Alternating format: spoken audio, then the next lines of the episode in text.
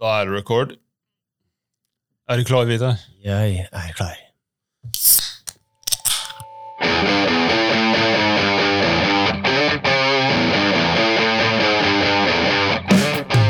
Velkommen til en ny episode av OTB podkast.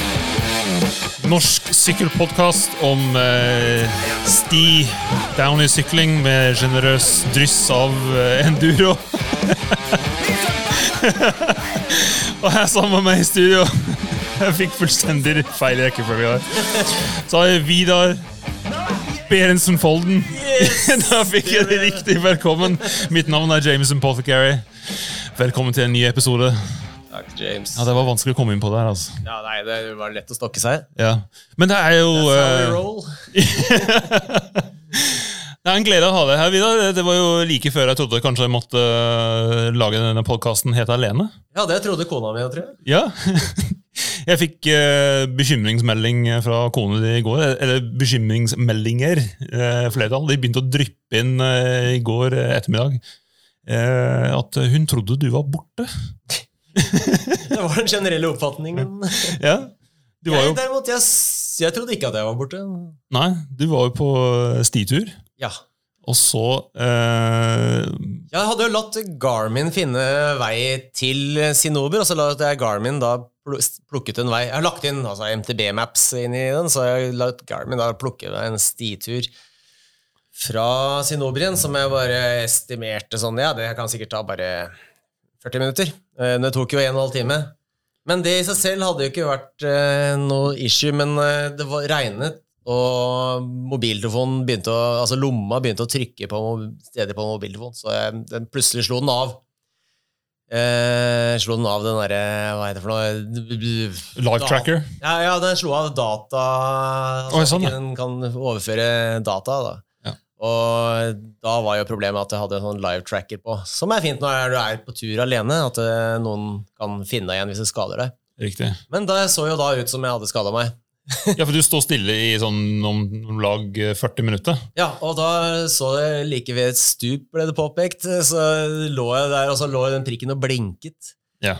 Og i tillegg, av alle knapper Det er mange innstillinger som er endret på mobilen. Altså, skriften er mindre nå enn den var før. Og det er mye som er endret, men eh, den slo også av lyden. Sånn at jeg merket jo ikke når kona ringte heller.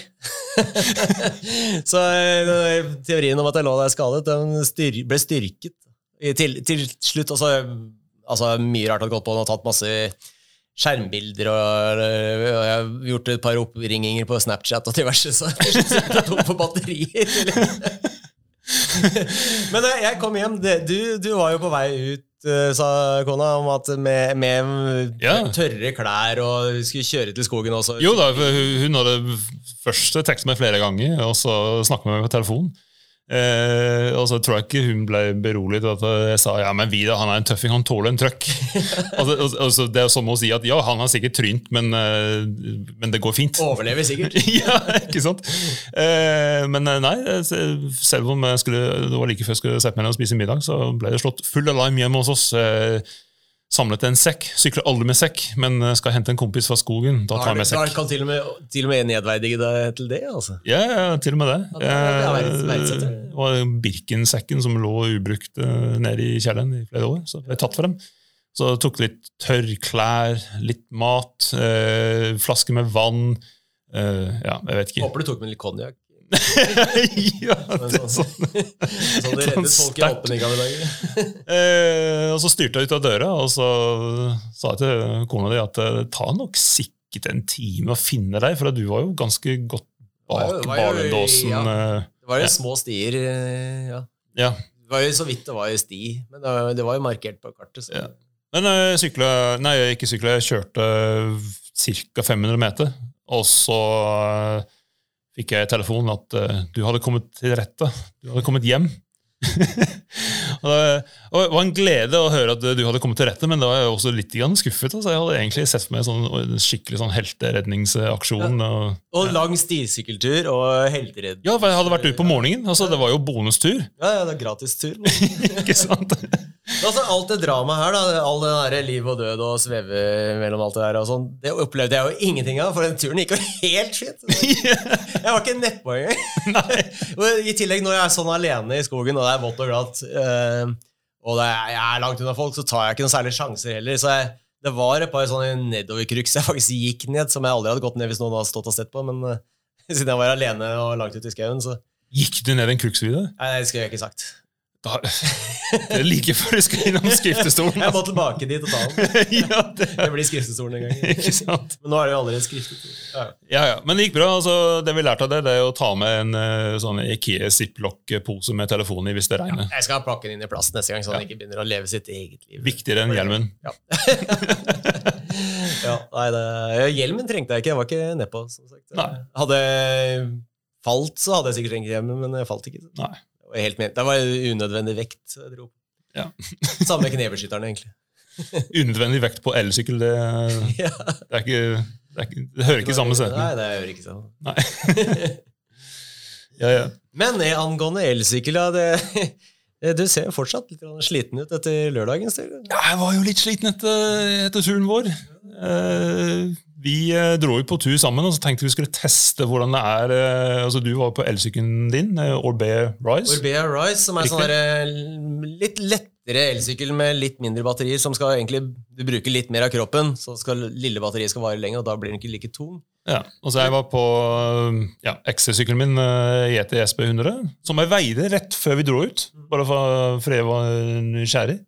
Jeg har jo, hadde regnværsdekk på, som, eh, sånn ritt-regnværsdekk, da, som er ikke det letteste, men sykkelen veide kanskje to gram under 12 kilo, med pedale og hele Ja, da er 11, da. Ja, 11 11,8 eller eh, gram. 11,98 Eh, ikke gram, eh, kilo. ja, så Yes, øh, og øh, jeg blei litt ivrig i starten. Vi øh, sykla opp en ganske kjent Ja, eh, du fikk jo noen horn i panna og satte av gårde.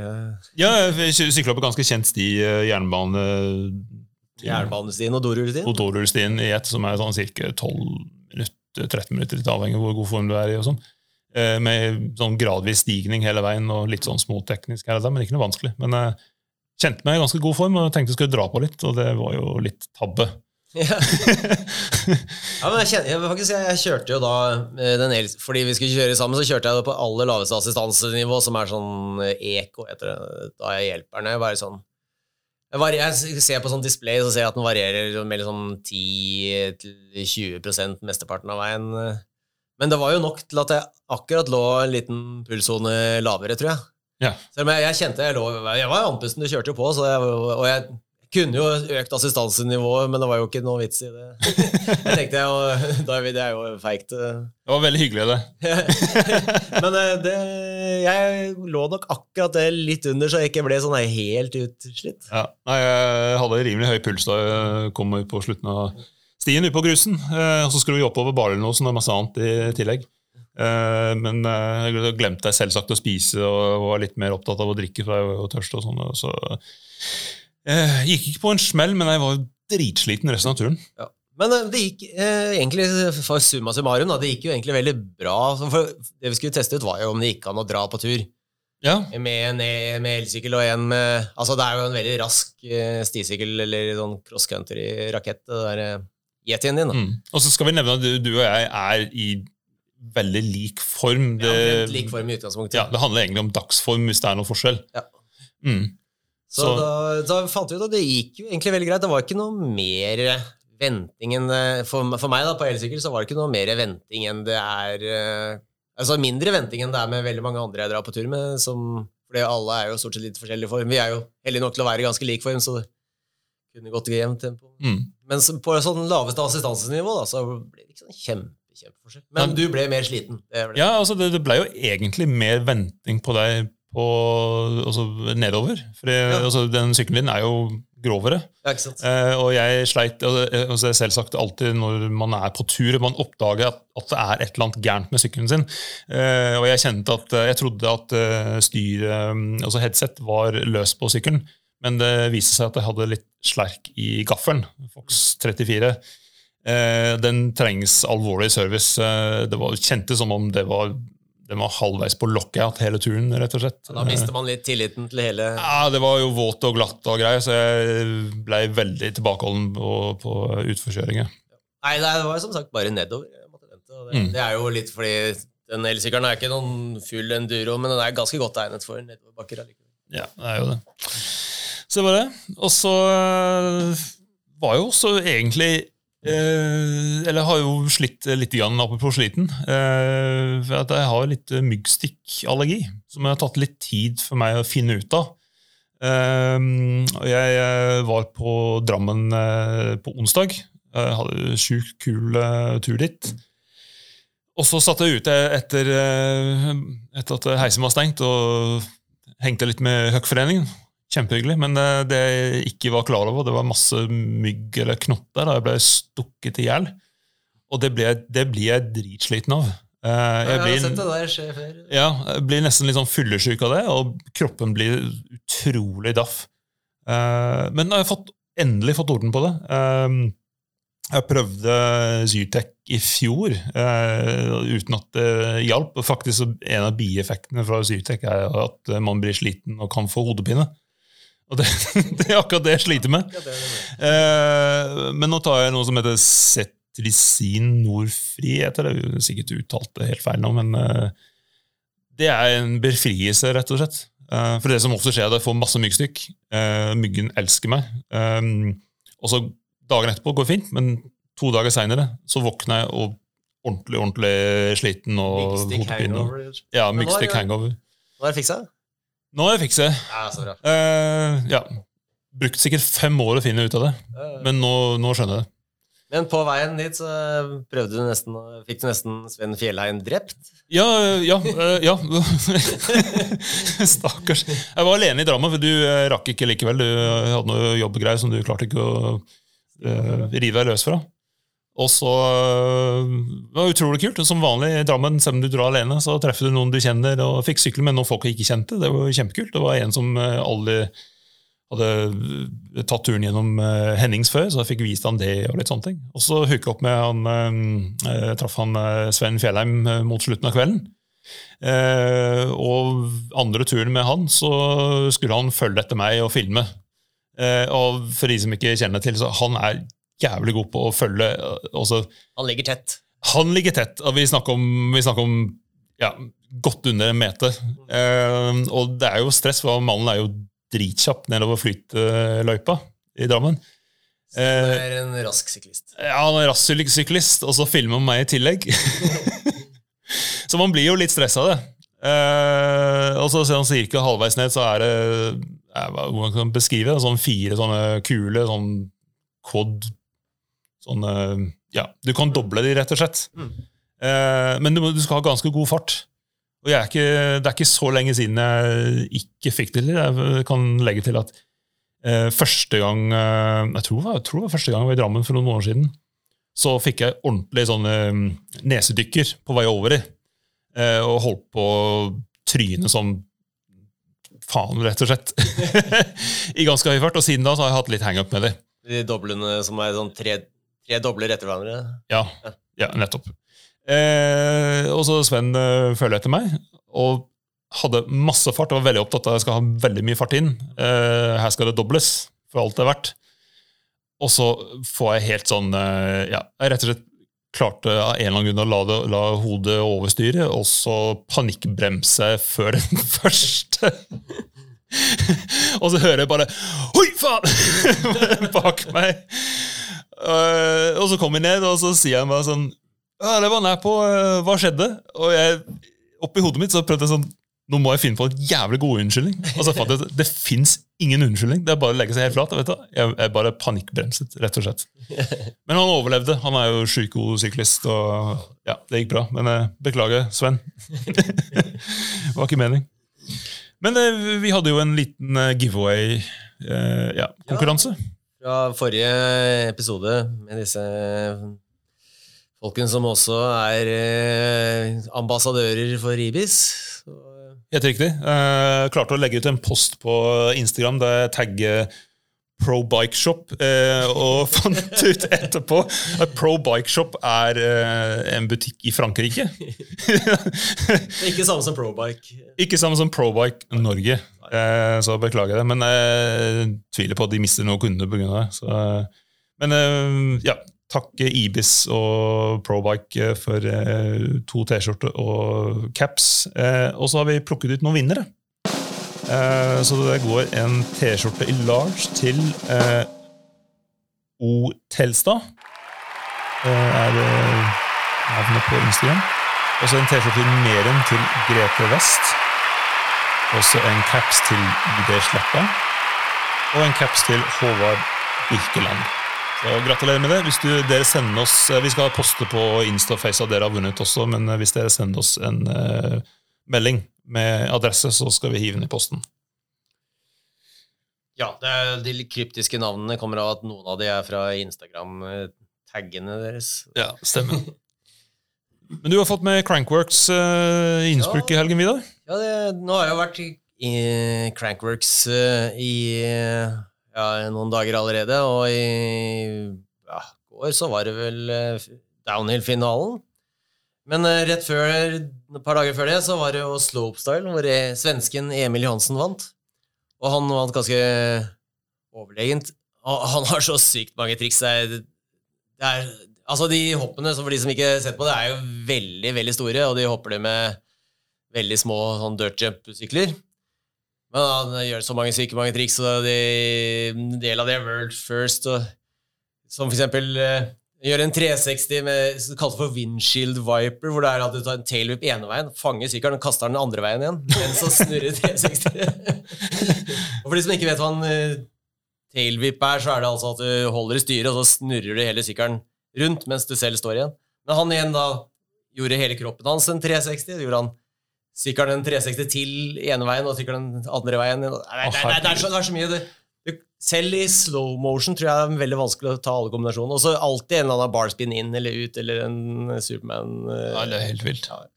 Nei, det, det, var veldig bra. Um, det, var veldig mange, det var flere World First-triks i runnet hans. Men i downhill så vant Loris Vergier. Som, uh, det er hans første vinn etter at han bytta team til uh, trekkteamet. Ja, kult. Så det tror jeg han var veldig glad for å se at han fortsatt hadde det. Og han begynte jo egentlig å vinne litt i koronasesongen i fjor. Mm. Men da var han på et annet team. Da var han jo um, Santa Cruz. Og så er det jo spennende å se at Ben Cathro kom på 43.-plass. 43.-plass? Ja, det er bra. Det er ikke verst, altså. Ja. Men det her er jo, altså, Crankworks er jo en egen serie, eh, så det er jo ikke worldcupen. Det er jo de samme folkene. Eh, vi kan vinne den serien også. Også Valley Hull vant eh, damenes downhill. Hun var jo Jeg lurer på om det er det første elitevinnet hennes. Eh, hun tryna forrige, forrige i worldcupen som var i forrige gang. Men det var jo egentlig veldig ventet. Alle regna med hun skulle klare det. Hun dominerte jo juniorklassen så sinnssykt. Hun mm. var junior, og nå er egentlig nå er hun blitt senior. Det kan virke som hun kanskje kommer til å dominere der òg. Men enda viktigere, eh, norske Frida Helena Rønning kom på syvendeplass. Det er hun som bor i USA og sett, sett på eh, Prøvd å se hva det skjer i den amerikanske Southeast uh, Downhill-serien, så har jeg kalt henne for Queen of Downhill. Oi. Og hun dominerer der borte. uh, men det er klart, det er jo uh, Altså World Cup-nivået er jo kanskje enda lite hakk høyere, men syvendeplass det er respektabelt. Er det utrolig bra? Ja, det er veldig bra. Og du, får ikke, du får ikke navnet Queen of Downhill eh, uten uh... Nei, da har du noe å gå på. Da er du god. altså, Katie Winton, kjent navn som hun slo. Det var flere andre gode navn nedover der. Og så så en, det, er jo, det, er jo, mange forskjellige konkurranser i den Crankworks-uka. Hun fikk ellevteplass i parallellslalåm òg. Og det gjorde hun med en 29-tommers endurosykkel. Oi. Og det er jo absolutt ikke rett verktøy. Det er jo ofte veldig, litt, litt mindre eh, Mindre vandring og kanskje 27,5 hjul og sånn. De skal liksom mm. svinge veldig krapt og være responsive sykler. Eh, men eh, det er også ikke så dårlig. Men likevel, det var jo uansett hva som skjedde, så toppen av kransekaka Crankworks var jo den der whip-off-konkurransen. Det er fett. Ja, det er fett. Chaos Showgrave vant, og, og det var ekstremt stilig, men det var jo Cade Edwards som stjal showet. Han tok en whip så langt, og han klarte ikke å få den tilbake. Og han landa jo faktisk baklengs. Ja. Og det gikk jo forbløffende bra med han. Bare Ja, rulla jo ut av det. Så ut som det skulle klare seg fint, men eh, den whippen den, eh, den sto ikke til å redde. Det, altså, det ser helt sinnssykt ut, baklengslandingen. Nei, det er så sinnssykt kult at de fortsetter å ha sånne whip-off-konkurranser, for det er så det er skikkelig show. Ja, og så er det, det er jo vakkert også. Ja, og så, så kult som uh, Slopestyle er. Altså det, sånn som du sier, altså det er vanskelig å få med alle triksene, og du må se i slow-mo. og Det, er, Ja, det, blir, telle. Og, det blir innimellom litt mye PlayStation, selv om det er jo helt sinnssykt kult å se på. Ja. Men vi, vi eh, som har kjørt litt BMX og sånn, vi kan jo navnet på en del triks, men de fleste kan jo ikke navnet på noen av de triksene. Kanskje navnet på barspins. nei, det fins Fins ikke mye bedre enn en god whip eller tabletop eller et eller annet. Særlig når de whippene nå er nesten på 1,80-nivå. Altså. Ja, nei, det er helt eh, Det er så rart, for På motocross-sykkel så bruker de motoren til å rette opp sykkelen din, men på sykkel så har du ikke det. Nei, altså, Jeg skjønner ikke helt hva som gjør at de greiene redder inn igjen, men de, de, de lander jo ikke rett frem. da. De lander, Nei, nei, nei. Det er jo bare så vidt de lander. Ja. de lander jo gjerne med at de tar forhjulet nedi først, og så triller den ut. Og så baker det og bare skrenser seg inn. Ja. Ja, det er Det, brutalt. ja, vin, Vinnerwhippen til Chaos den var jo akkurat sånn. Det var jo skikkelig nesedykk som, han bare, ah, som gjorde at han greide å komme tilbake. Det var chaos, rett og slett. Ja, det var chaos. Kaos. Men han er jo masse kontroll, selvfølgelig. Ja. Det er rått med de gutta der, for de er jo rå downhill racere i tillegg. Mm. Og lokalt så skjer det jo noe. Ja, NM i rundbane. Ja. Førstkommende helg. Så vi håper at podden kanskje kommer ut før eh, det kommer, begynner. Ja. Det vet vi ikke ennå. Og så enda fetere, Norgescup i downhill i Voss. Mm. Ekstremsportveka i Voss. Og Mm. der er påmeldingsfristen lørdag 26. juni. Ja. Så det, der har man kort tid på å melde seg på, men det, det blir fett. Det er, det er, ikke, så, det er ikke hvert år det har vært Norgescup. Det er bare å pause podden, pakke sykkelen og bagen og alt i bilen, Og høre resten på vei opp. og høre på resten på vei opp til Voss. Ja, du, du må jo melde deg på først, da, forresten. Det, det er vel Ja, det kan vi gjøre fra telefonen i bilen på vei opp. en liten stund til selve konkurransen. er det? Ja. ja, ja. Det er vel eh, 2. juli, tror jeg, konkurransen. ja, men det er bra. Ja da, Vidar, vi må få en uh, ukens gjest. Nå er jeg skikkelig spent. Eh, denne uken har vi fått besøk av en levende legende innen eh, downhill, freeride og terrengsykkelmiljø. Eh, om du ikke, ikke vet hvem han er, så om du ikke har fått med høkkvesten og hockeysveisen eh, hans fra før, så har du rett og slett sovet i sykkelboden. Eh, han kjenner alle, men eh, kanskje enda viktigere enn det, som anchorman Ron Burgundy ville sagt, people know him. Mann som har blitt eh, fast inventar på alt fra Hafjell til Hillbilly Høkkfesten. Velkommen Martin Vinje, aka Sykkel-Martin. Hei! Takk, takk, takk, takk. Tusen takk for at du kom i dag. Jo, selv takk. Det var litt av en intro, da. Ja, jeg brukte hele dagen å skrive den. Ja, det, det er, Nå er jeg forlegen. Ja, du, du har akkurat kommet fra åpningen av eh, Hafjell. Eh, Det ble en våt helg, men eh, det var fett likevel. Ja, Hafjell er jo alltid fett, og åpningshelga var litt uvant med lite kø på lørdagen, men eh, det ble jo et par fuktige laps, og så ble det et par fuktige runder i baren, og så var søndagen helt fantastisk. Uh, og igjen, det er jo litt sånn åpningshelg, da. Det er jo mye av det sosiale og bare Møte folk. Ja, ikke sant? Møte sommervennene sine. Riktig. Ja, ja. Så, så det er alltid si, vanskelig når folk har fått seg ny sykkel og ny hjelm. Så Åh, hvem, hvem, hvem var du? jeg er faktisk helt håpløs. Også Noen kjenner igjen deg, men du kjenner ikke igjen dem før de liksom snakker to-tre setninger. Ja, Fordi helhjelm, rett og slett. ikke sant? Unnskyld, kan du ta, ta av deg hjelmen? Du har fått ny. Jeg kjenner deg ikke. Men er du, er du sånn som kan kjenne igjen folk på stilen? Så jeg husker jeg har kjørt mye snowboard før, så ofte i, i, i bakken så, så er man veldig, veldig lang avstand. Og jeg, kunne alltid, jeg visste alltid hvem det var hvis, jeg, hvis det var noen jeg kjente. Bare å se på stilen. Definitivt. Det er noen ringrever der ute som eh, ja, absolutt kjenner det igjen. Det, ja. det, det er et artig fenomen, da. Fordi det er jo litt sånn Det er jo små detaljer det går på. Ja, ja, det er jo, Folk kjører jo fortsatt med henda på styret og beina på pedalen. Ja. En, en god del av det, i hvert fall. En god del av det. Nei, ikke alle. Nei. Ikke hele tiden heller. Nei, ikke sant? Nei, nei. Egentlig hvis du ser Fabian i Drammen, der er ikke så mye hend på styret. Men Ja, igjen, Må jo av og til holde, holde seg fast. Da. ikke sant? Det gikk eh, bra for seg. Det var ingen som ble overtent og avsluttet sesongen litt tidlig. Da. Jeg tror alle ble overtent, men eh, Nei, det var vel én i crewet, Mats. Eh, Mads Huseby, ja. Ja, som uh, gikk ned i fortelling, men uh, det var uh, bedre enn fryktet. Så ja. forhåpentligvis tilbake igjen snart. Og ja, ellers så tror jeg det bare er de tømmermenn som må kureres. Også. så. Det så ut som det kunne vært noe verre enn kraggebein. Altså. Ja. Nei, det var jo Jeg tror det var noe AC et eller annet som fikk seg en trøkk. Men Mm, mm. ja. Ja, det var heldig. De som ikke kjenner til Mats, øh, han har vært sykkelmekaniker og jobber på Bikes and Boards. øh, gamle Bikes and Boards, så han ja, øh, specialized shoppa. Specialized shop, riktig. Han driver fortsatt med sykkelreparasjon og hjulbygging og sånne ting, så hvis, hvis ikke han er tilgjengelig, så da stopper opp hele, hele sykkelmiljøet. da blir det problematisk. Da blir det problematisk. Ja, ja.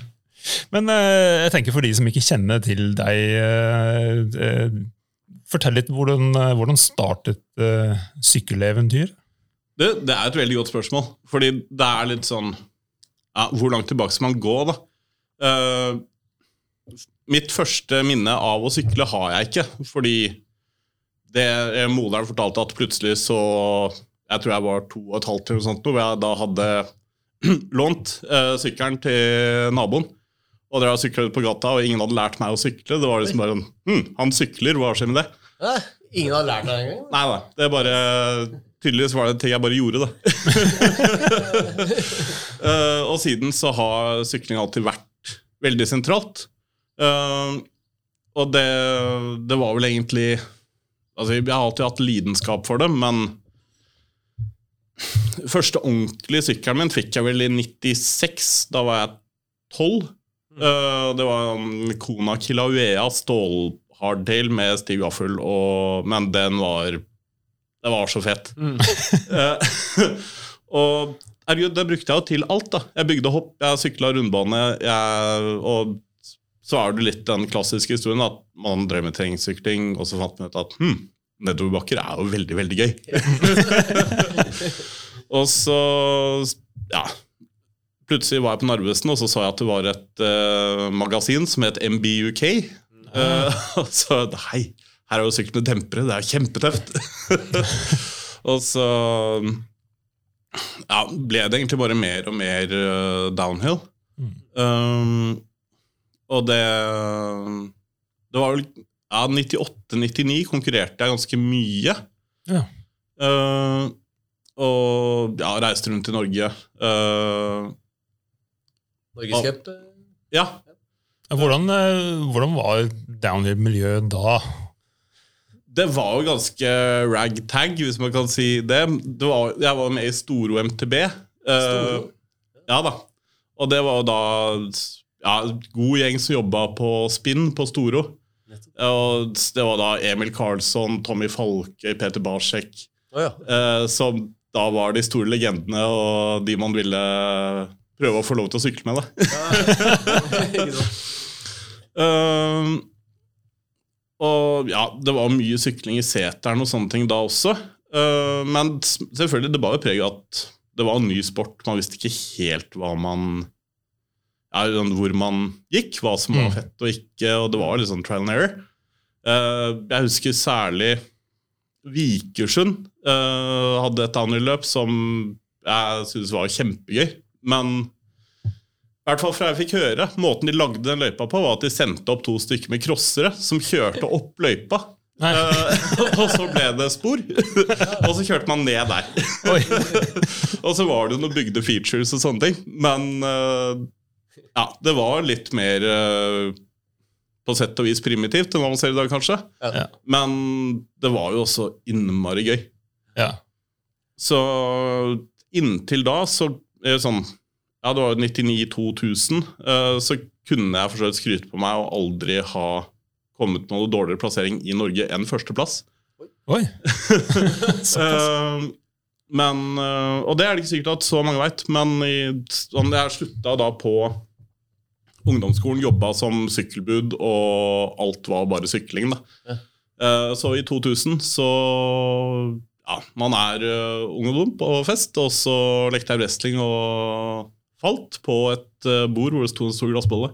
Så jeg fikk glasskår og mista synet på venstre mitt. Oi. Nei. Uh, og da var det litt sånn hmm. Jeg vet ikke det, Den største greia med det var jo egentlig at alle kollektivt rundt meg sa ah, så kjipt, da må du slutte å sykle.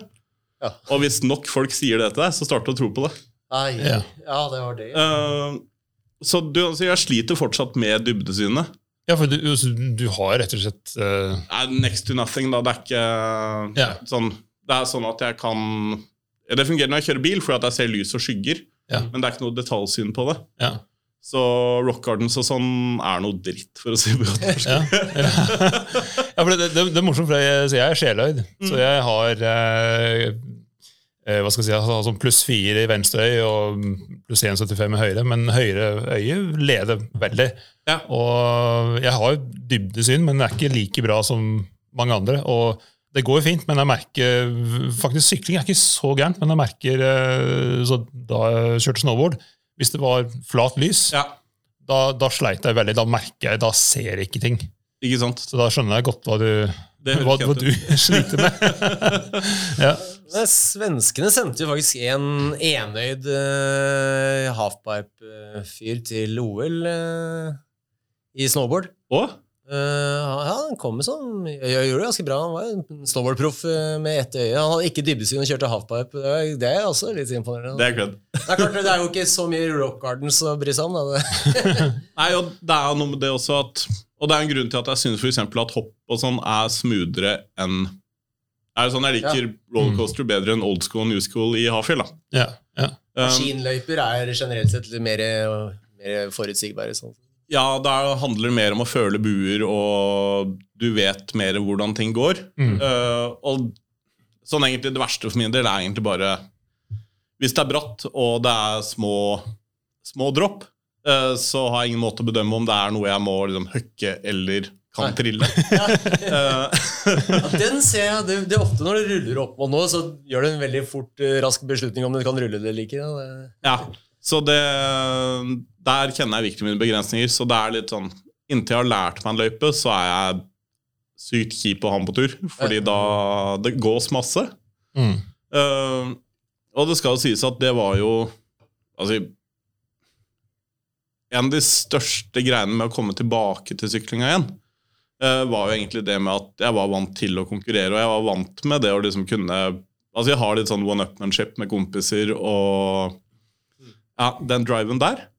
Eh, men så innså jeg at ok, nå har jeg fysiske begrensninger som gjør at jeg kan ikke være på samme nivå som vennene mine lenger. Mm. Eh, og så kom det et, egentlig et punkt hvor jeg innså at ok, men hvis jeg ikke kan være raskest, om jeg kan være kjent som han som bare har det gøy med å sykle, så er det fint nok for meg, fordi sykling er så innmari gøy. Mm.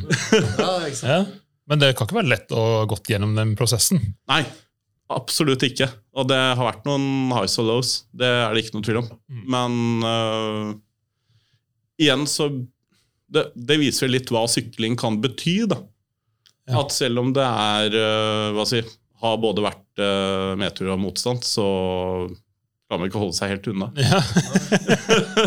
Det jo bra du eh, ikke tok dem for mye på ordet, da, som sa at du måtte slutte å sykle. Du gjorde- slutta kanskje en periode, men eh, Ja, øh, fra Du kan si jeg har alltid fulgt med, men jeg sykla ikke så mye selv fra 2001 til 2008. Uh, 2008 så levde jeg et litt annet liv enn det jeg gjør nå. Det var litt mer karrierepreget. karrierepreget. Uh, og det var vel egentlig først i 2013 at jeg liksom var all in på sykkelen da, og innså at det her er lidenskapen min, og det må jeg ta på alvor. Og det har ført veldig mye gode ting med seg så langt. i hvert fall. ja, skal jeg prøve å gå gjennom noe av det her i podkasten. Ja, Det, det må jeg si, altså, har jo ikke småtteri fra bare en liten ombestemmelse? Nei, det har jo vært øh, Ja, det har vært mye gøy, og jeg Ja, jeg har hatt mye innfall av imposter syndrome og ja, stått og pussa tenna her og der. og det øyeblikket man ser, man ser seg selv i speilet og bare, Hva i alle dager gjør du i den settingen her? Men imposter syndrome, det har alle, faktisk. Men herregud, det er bare å man, man må bare nyte det mens det står på, og så Ja. Men eh, hva savner du fra det gamle miljøet? Altså, var- var det mer, mer hardcore før, eller? Det er vanskelig å si uten å liksom skulle disse noe av det. Og det har jeg ikke lyst til, fordi det var, det var utrolig kult på sin måte. Uh, men det var jo mye mer Kan man si noe sånn extreme? Mm. Eh, og igjen, sånn one-upmanship og sånn sto ganske sterkt. Og det kan ha det også bare var på en måte mitt perspektiv da, og derfor, derfor at jeg har den, det synet på det. da. Uh, men jeg følte i hvert fall at det er større aksept nå for å bare ja, både ha det fett og at det er større diversity nå. da. Og jeg tror det også skyldes veldig mye at det har kommet så mye jenter som har, kommet- som har starta å sykle. At det ikke er så mye gutta og testosteronstemning som det det var før. da. Eh, og så Jeg har alltid hata treverk, så den perioden med liksom North Shore Skinnies på tidlig 2000-tallet Jeg skal ærlig si at jeg ikke savner det. Nå virker det som Brage driver og får det tilbake igjen, men uh, det er jo fett nok, det. Så. Det er rett og slett dårlig gjort. Ja, ikke sant? Makan. Ja. Ja. Men uh, nei, du kan si jeg, Det var utrolig mye kult på den tiden, og det var litt sånn Som sagt, man visste ikke helt hvor man gikk hen. Mm. Uh, og det var jo bare sykling, og jeg husker f.eks. i Lillesand så var det NM i downhill, og de hadde leid teltet til Sirkus Arnardo og rigga opp voldsomt. Og utafor der så hadde de tatt sånn svært sånn sandbelte. Sånn svær rigg som var liksom, i hodet mitt da ti meter høy. Uh, uten noe gjerder eller noe sånt noe. Så man da liksom kunne haike sykkelen sin opp, og så var det et hopp på bunn. Uh, og da var det liksom show der etter løpet, og på, på løpet så måtte du jo dytte denne utforsykkelen på 20 kilo opp til toppen av bakken, for det var ikke noe heis eller noe sånt. ting.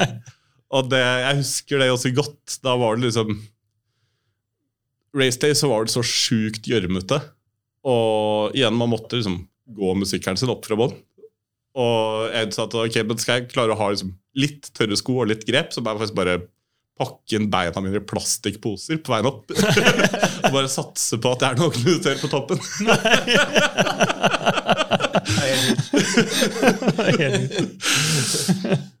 Men, ja. Og det er jo litt sånn Ja, jeg husker også igjen Vikersund, så ja, jeg, jeg skal jo ikke si hvor, eh, hvor gammel jeg var, men eh, det var jo et av mine første løp hvor jeg også plutselig havna på hytte med likesinnede som liker øl.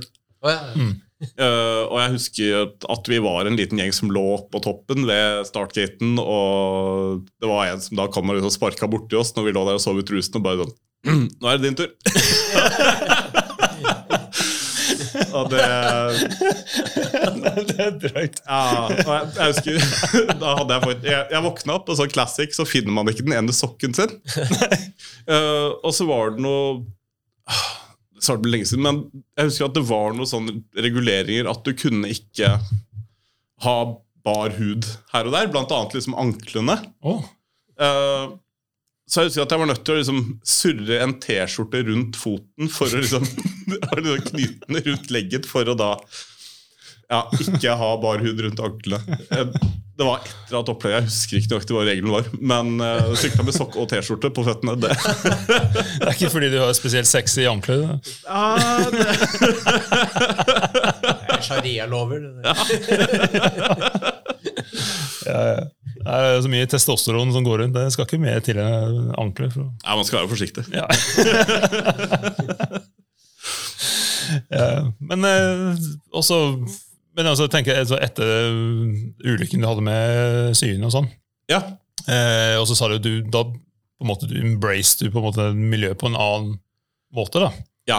Eh, men da altså Sykkelmiljøet er ganske kjent, eh, i hvert fall nå, for å være veldig eh, inkluderende. Altså, du, følte, du følte at du ble altså, følte deg hjemme igjen? eh? Ja, utvilsomt. Uh, og det Hva skal man si? Det var en litt sånn tilpasning fordi man er vant til å være Jeg, sånn, jeg var vant til å være han raske, da. Ja. uh, og så føler man seg jo kanskje litt mindre enn hva man var, og så er det jo det å på en måte bare være komfortabel i sin egen hud, da. Eh, men herregud, jeg husker en av de tingene som liksom fikk meg tilbake igjen for fullt. Uh, og nå, nå skal vi ikke gå liksom, for mye inn på det nødvendigvis, men jeg hadde en sånn ja, Jeg hadde et år i 2011-2012, for å si det sånn, hvor eh, det var mye som ble borte. Eh, men hvor jeg innså at når alt ble borte, så var det sykkel som sto igjen med sånn store bokstaver at det her er det her er min lidenskap. Det er ikke noe materielt Det er ikke noe Det er ingen som kan ta min lidenskap for sykkel fra meg. Mm. Uh, og det var egentlig en sånn stor drivkraft til at ok, jeg må, jeg må drive mer med sykkel fordi det er så viktig, det. Mm. Og da husker jeg 2013. Uh, da bodde jeg i Hafjell i et telt under en tarp fra juni, starten av juni til slutten av august. og igjen, det var dessverre jeg var, ja, jeg var sykemeldt, og sånne ting, så jeg hadde på en måte muligheten til det. Mm. Uh, men det kickstarta på en måte også muligheten til å ja, være i miljøet igjen og innse at det er akkurat her jeg vil være. Mm. Fordi folket er så fine, sporten er så fin, og ja, what's not to love, da. Ja. Så det ble nesten et nytt kompass for deg? Det, Ja, utvilsomt. ja. det er jo en fin story. Ja, Så kult. det, ja. So far, so good. Så far, so good. ja, ikke sant? Og vi, du, vi har jo også et lite avsnitt her eh, i neste del av podden som vi kaller for International Man of Mystery, Martin. For du har jo liksom eh, Din andre karri- sykkelkarriere, da. Så Ja. har du jo liksom ledet deg utover i både utover landets grenser og blitt kjent med veldig mange Jeg vet ikke hvordan vi skal starte med det. Du, hvordan havnet du plutselig med å reise rundt i Fest Series, og hva hva er opptakten til denne delen av historien? Nei, Det også er jo egentlig bare tilfeldigheter og campen på Hafjell og igjen mange øyeblikk av hvordan i alle dager skjedde dette her. uh, men uh,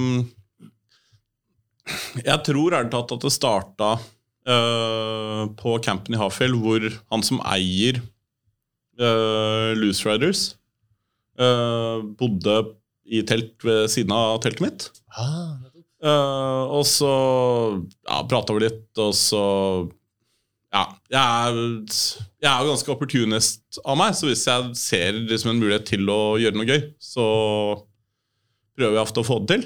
Mm. Uh, og da var det egentlig at jeg sa ja, men hei, skal vi Hei! Ja, fin lyd. Nei, så da fant vi egentlig ut at nei, men jeg, jeg og Bengt Stensson skulle da ta inn Loose Riders til eh, Norge. Mhm. Eh, og det gjorde jo også at for eksempel Jeg tror det var Huckfest året etter. Uh, så var jeg da i Hafjell og sykla, og da endte jeg opp med å liksom sykle en del med Nico Wink, fordi han uh, ja, Han var da sponsa av Loose Riders, så vi visste på en måte hvem hverandre var på grunn av. Ja. Og Og fra det øyeblikket så var altså, Fra den Hafjell-tiden så var du da eh, Nor altså Loose Riders Norges mann, på en måte? Ja, øh, så det ble jeg vel i 20, hva er det, 2015-2016. Mm. Uh, og så jeg, jeg tror det da var på en måte Høkken, hvor jeg da var inne i varmen, da, for å si det sånn. Det kjentes i hvert fall sånn ut. Ja. Uh, Jeg tror ja, Mye handler om bare det at jeg var på riktig sted til riktig tid, og at også Jeg husker Sam Reynolds trengte plutselig noen å sitte Nei, Vin, Vinnie T var det første gangen, som også trengte noen å sitte på med. Oh, ja. Uh, og så ble sykkelen hans forsinka, og så bodde han hos meg et par dager uh, mens vi venta på sykkelen hans på Gardermoen før vi kjørte Høkken. Og det har bare vært sånne småting hvor jeg bare har blitt kjent med folk. Sam Reynolds plukka opp på Gardermoen året etter og tok meg til Høkken. Nettopp. Eh, og det også var bare fordi det sto på Facebook at hei, er det noen som kan plukke opp? Men er du, er du sånn som ikke blir starstruck? Uh, altså, jeg, jeg, jeg Du ble det? Ja, ja, ja. Ja, for jeg Altså, for jeg tenker, Du, du, du, du virker så kul. Altså, jeg sykler med Nico Wink. Altså, altså, I helgen, så Nei, forrige onsdag i Drammen, Ja. så var jeg helt alene. så altså, man er aldri alene i Drammen, men eh, altså, vanligvis er det en jeg skal avtalt med på forhånd. Og så men jeg ble jeg alene, og så på slutten av kvelden så sykler jeg med Svein Fjellheim. Alle sykler med han før. Jeg ble litt stressa. Jeg ble litt sånn ja. Oi, nå Ja.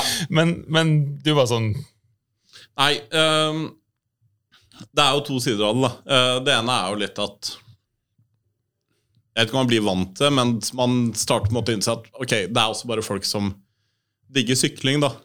Akkurat som alle vennene mine. De er bare flinkere. ja, og de har, um, ja, de har klart å gjøre en karriere ut av det.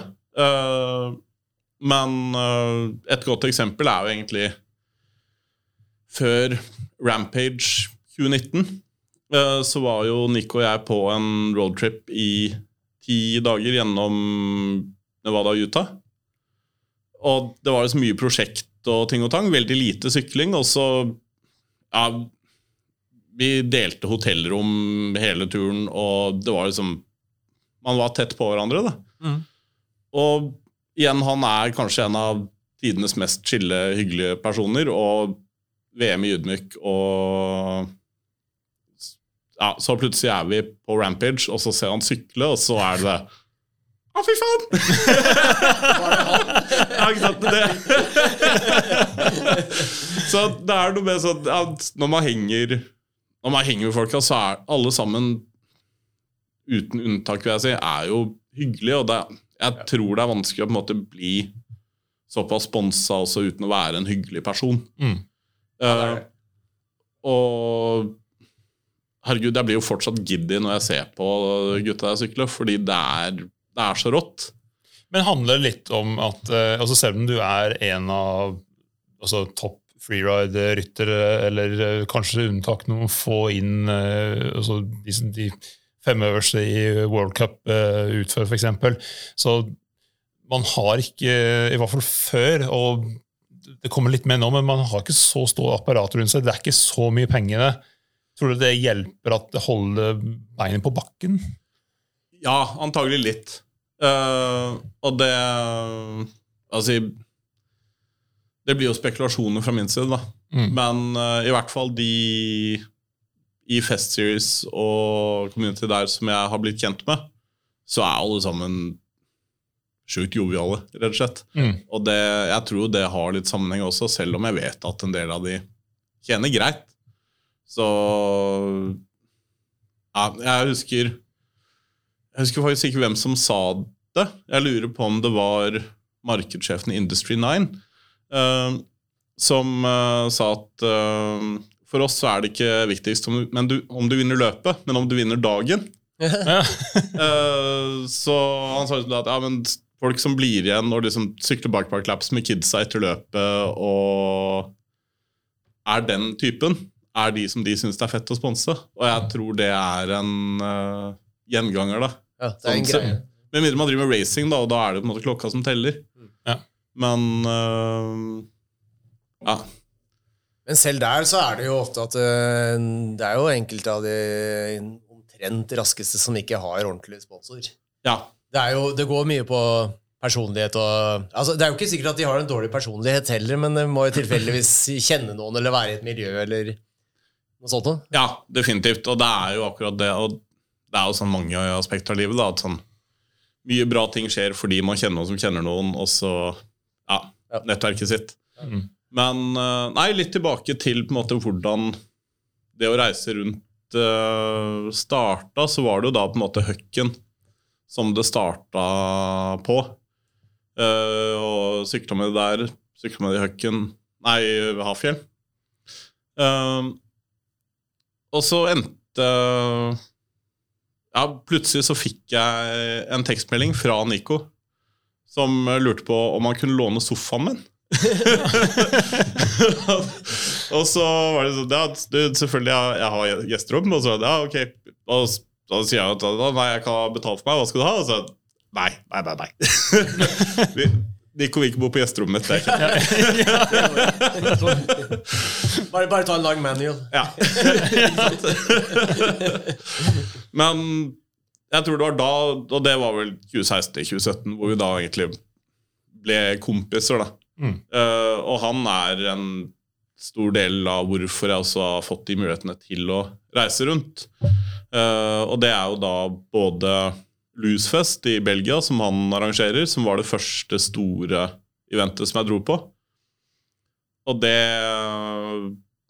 ja, Det var helt sprøtt å komme dit, og du ser Du ser hoppene, og du har jo sett bilde av dem på internett. Ja, De ser så Ja. innmari store ut på internett allerede. Ja, Og så kommer du dit, og så skjønner du at disse fjella av jord så, ja, Hjernen kobler ikke at det er hopp, fordi det er ikke samme størrelse som noen hopp man har sett før. Men så du må bare bruke bildene som referanse, da. Ja, ja. Eh, Ja, for det, altså, på, altså, Fra siste Lusfest og, og, og de andre, altså, det, det ser så sjukt svært ut. ja. Og så og så folk snakker om sånn eh, GoPro-effekten, at det dreper litt av størrelsen. Så jeg tenker sånn, Ja. hvis, hvis det ser så sjukt ut, og det er liksom på en måte bildet er drept av GoPro-effekten, ja. da, da er det helt insane. Det er helt ko-ko. Uh, og så er det jo Åh, Åh, deilig. Nei, så er det jo også det at Altså, ikke at jeg skal skryte på meg det skill-nivået i det hele tatt, men man står også og ser på det bare Fy fader, de linjene her er så fine. Det, alle buene er bare shapa perfekt, da. Så ja. Det, det var jo første, og da var jeg også veldig heldig og fikk bli med på en uh, Åh, det her er for så vidt en litt gøy historie, men eh, jeg var jo da først på Høkken eh, før jeg var på Lusfest, og da midt på natta så kom Andreu og skulle prøve å løfte meg, fordi han hadde en greie hele kvelden med at å løfte Martin. Det var gøy.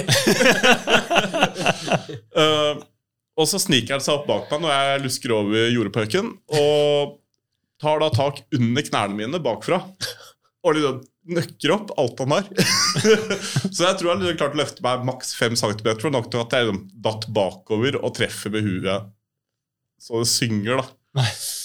Eh, og så kommer tirsdagen, hvor jeg sitter på jobb og bare åh, den der fyllesyken bare gir seg ikke. Jeg blir jo kvalm av å se på skjerm. og så, Hei, vent nå litt. Det fins et navn på det. Ja, ikke sant? Så da innså jeg at jeg hadde fått en liten hjernerystelse, og så var det en og en halv uke til Lusfest. Mm. Um, og så var det egentlig bare å si fra på jobb at uh, beklager, nå skal jeg bare være på et mørkt rom i en og en halv uke. Og så drar jeg ned dit, og det går forholdsvis greit. Og jeg kjenner at sånn, jeg har ikke balanse til å sykle, og sånne ting, men jeg gjør mye medieproduksjon og ja, hjelper til med hist og pist. Um, og så drar vi etter Lusfest til Chatel. og første dagen i Chatel, alltid drømt om å dra dit og sykle Winkline sammen med Nico Wink og topp stemning. Og det er jo hetebølge i Frankrike, og jeg har, jeg har tatt på meg eh, den store sykkelrustningen min fordi store hopp. Ja. Og klarer å få sånn heteslag. Så er jeg, da virkelig at jeg bare sånn- jeg, jeg må bare sette meg ned og kaste opp på baren. Fordi, fordi jeg blir så dårlig. Og så er jeg da i Chatel og er inne på, rom, på et mørkt rom i tre dager. Hvor jeg da deler leilighet med liksom x antall helter. Det var bare surt. Ja, det var ganske surt. Altså. Klarte du å liste meg ut eh, av og til for å bli på middag, men eh, ellers så var det syk, svak og dårlig bak. Ja, det òg, ja. Så legendariske Bike Park Hotel, og så ingenting. Nei, det var, eh, det var så vidt én dag. Ja, du rakk å kjøre litt før du svimte av. ja, men jeg husker også den følelsen av å liksom ja, Jeg tok jo heisen opp til toppen når det liksom virkelig smalt. Og det å sitte i heisen nedover i superpiktoresk Chatel chatell Åh! Hold alt inne. Det. Så nei, jeg har lyst tilbake dit og få litt eh, redemption. Det, Ja, det må jo skje. ja, det er så fint her nede. Det er helt vilt. Så Det kan jeg tenke meg. Nei, og etter det så ble jeg med da til Rampage.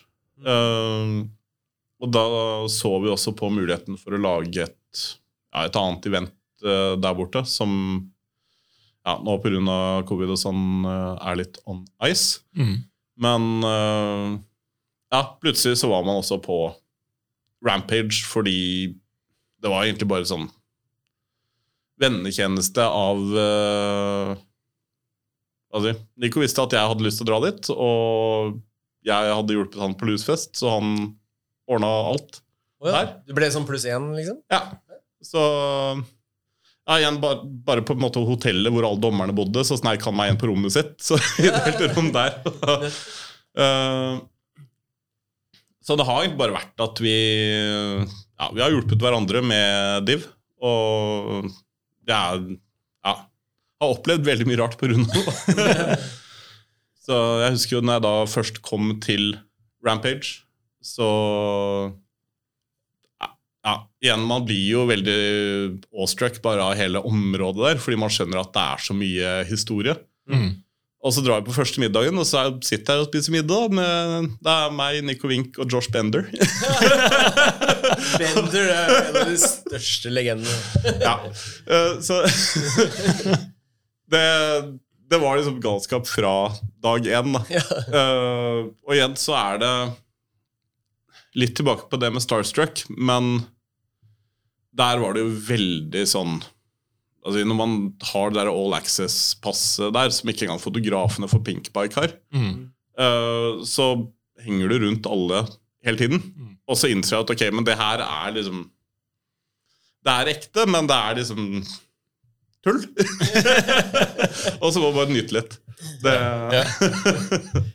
Var, var det der du hadde Pinkbike Takeover på Instagrammen? det- på, det har jeg hatt da på Lusfest og Darkfest. Ja, det var det, ja. Okay. Uh, på Rampage så prøvde jeg å fronte eh, Jeg vil si bare pr promotere festathletesene som sykla der. Ja.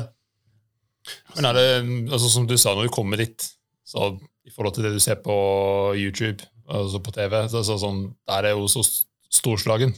Ja. Men ehm, jeg tenker, hvordan var det når du først så de syklistene sykle de tingene? Var det sånn Det Jeg skal jo helt ærlig ta og si at dette burde man da kanskje spare til siste segmentet deres, egentlig. Men jeg kan skrifte litt nå med at jeg turte faktisk ikke å gå helt opp til toppen.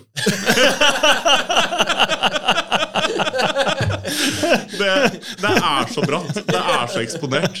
Og det, bare det at de går opp der med sykkel på ryggen, Ja, det er, det er helt galskap. Så Nei, jeg, ja, jeg holdt meg nede i bånn. jeg har hørt det fra de som driver og bygger der òg, at det er, det er helt spredt. Man går rundt med tau og alt mulig rart. Ja, man tjorer seg fast i fjellveggen og Ja, så, så mye cred til alle som bygger der. Mm. Og det var så gøy å se egentlig kontrastene, da. Fordi i starten, når det da var bygging og ja, hva skal jeg si, Før TV-sendinga starta, så var det jo veldig Hva skal jeg si Det var veldig høy spenning. Um, man kjenner på en måte alle syklistene har nerver, og alle er litt i sin egen boble, og folk graver, og det er anspent. Mm. Og så starter TV-sendinga, og så er det skikkelig så er amerikansk TV over det. Ja. Uh, og jeg skal ikke nevne navn, men det var noen sine kjærester som hadde egne sminkører nede i målområdet. Så når de droppa inn, så var de da ferdig sminka, og så var det vær så god, her er babyen din, nå kan du gå ut der, og så får vi noen bra bilder av deg, og så Så det er sånn Hats off to Rampage, og det er helt vilt, alle som sykler der. Mm. Og det er så stort. Eh, men det var da veldig rart å se på en måte hvor scripta mye var også. Mm. Men med så mange store navn eh, der, altså, var det noen der som du kanskje ble imponert eh, som kanskje tok imot hele setting og konkurransen på en bedre måte eller på en annen måte? Altså, tenk for du som er der, så Um,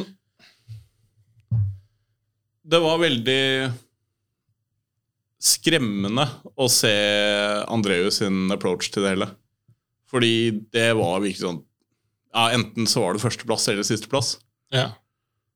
Og det å se noen gå i det mindsettet fra å være ganske Ja, altså Jeg vil ikke si tullete, men han ja, Han er en karakter, da. Ja, ja. Og så plutselig er det bare blodig alvor, da. Og da Ja, nå er det dem du står i veien, på en måte. Eh, men eh, stort sett så Jeg prøvde jo egentlig ikke å være for mye Hva skal jeg si jeg prøvde ikke å være for tett på atletene nettopp av den grunn også, at jeg skjønner at de har sin greie. Uh, så jeg tok, jeg tok liksom litt film og bilder og sånne ting, men uh, i det store og det hele så var det mest som flue på veggen-dokumentar.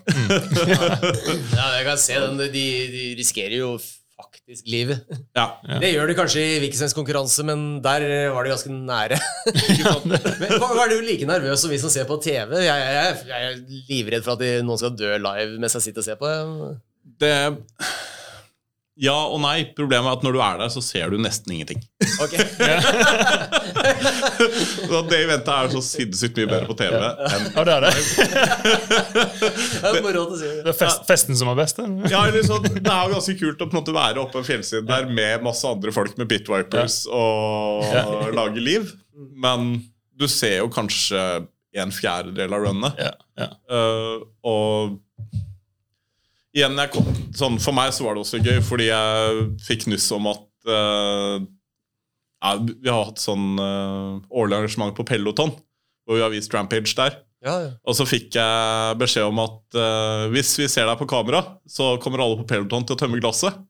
Uh, og da måtte jeg jo prøve å komme meg ned til målområdet og være linselus. og der var det veldig mye mer gøy å se på, for der var det jo storskjermer og sånne ting. da Ja. Og det var veldig gøy fordi ja, Gavin, som jeg jobber med på Gira, Mm. eh, han er jo fra Utah. Og han var med da også, så han var jo ganske kjent i området og hadde med seg sine venner. Så jeg hadde på en måte både den opplevelsen av å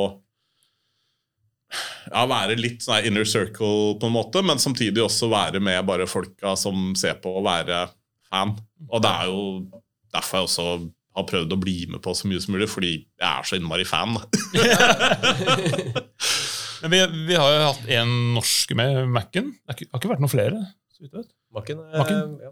Eh, men tror du vi kommer til å se flere? Tror du Brage kommer til å ta turen dit? Å, jeg håper det. Ja, jeg, tror, jeg, tror jeg tror det er mange som eh, krysser Jeg, fingrene. jeg tror han sendte en ganske sterk søknad. Nå, Jeg føler det, altså. altså. Jeg tenker Med de tingene han gjorde, så er han jo og viser at han har, har det i seg. Ja, ja. Og det, nei, han har jo vist at uh, Ja, han har jo også kompiser som kan grave og Ja, Som er villig til å grave, ikke minst. Ikke sant? Så det Nei, seriøst, det håper jeg så innmari. Og ja, det finnes jo mange veldig, veldig flinke freeride-speeder rundt i Norge nå. Ja. Så før eller siden så må det jo skje. Ja, ja. Satser på det. Men eh, nei, så det var litt sånn Ja, som sagt, litt surrealistisk, men veldig gøy. Ja, og, så møtte du Gary Fisher. Så. Ja, det gjorde jeg også. Og det, ja, vi har, sånn, han kommenterer liksom stadig på stories jeg legger ut, og vi har jo holdt litt kontakt siden. Ja, det er jo gull. Han er jo en kul type. da. Ja, Så innmari. Og ja, sånn, han har jo vært en del i Norge før. Og vi har liksom prata litt. Altså, at det hadde vært så utrolig gøy å ha med Gary Fisher på Clunker Racer på Høken. Han har nærmest funnet opp clunkeren. det hadde vært rått. Men eh, nei, vi får se om det bare blir med ja, morsom teksting og ønsketaker, eller hva man får til. Det Men, det må få med, for Han, eh, han syklet Birken for noen år siden, husker jeg, men eh, det var få slutt på. ja, ikke sant? Ikke noe vondt mot Bir- Birken. selvsagt, men- nei, nei, ja, litt, litt vondt. Litt, litt, ja.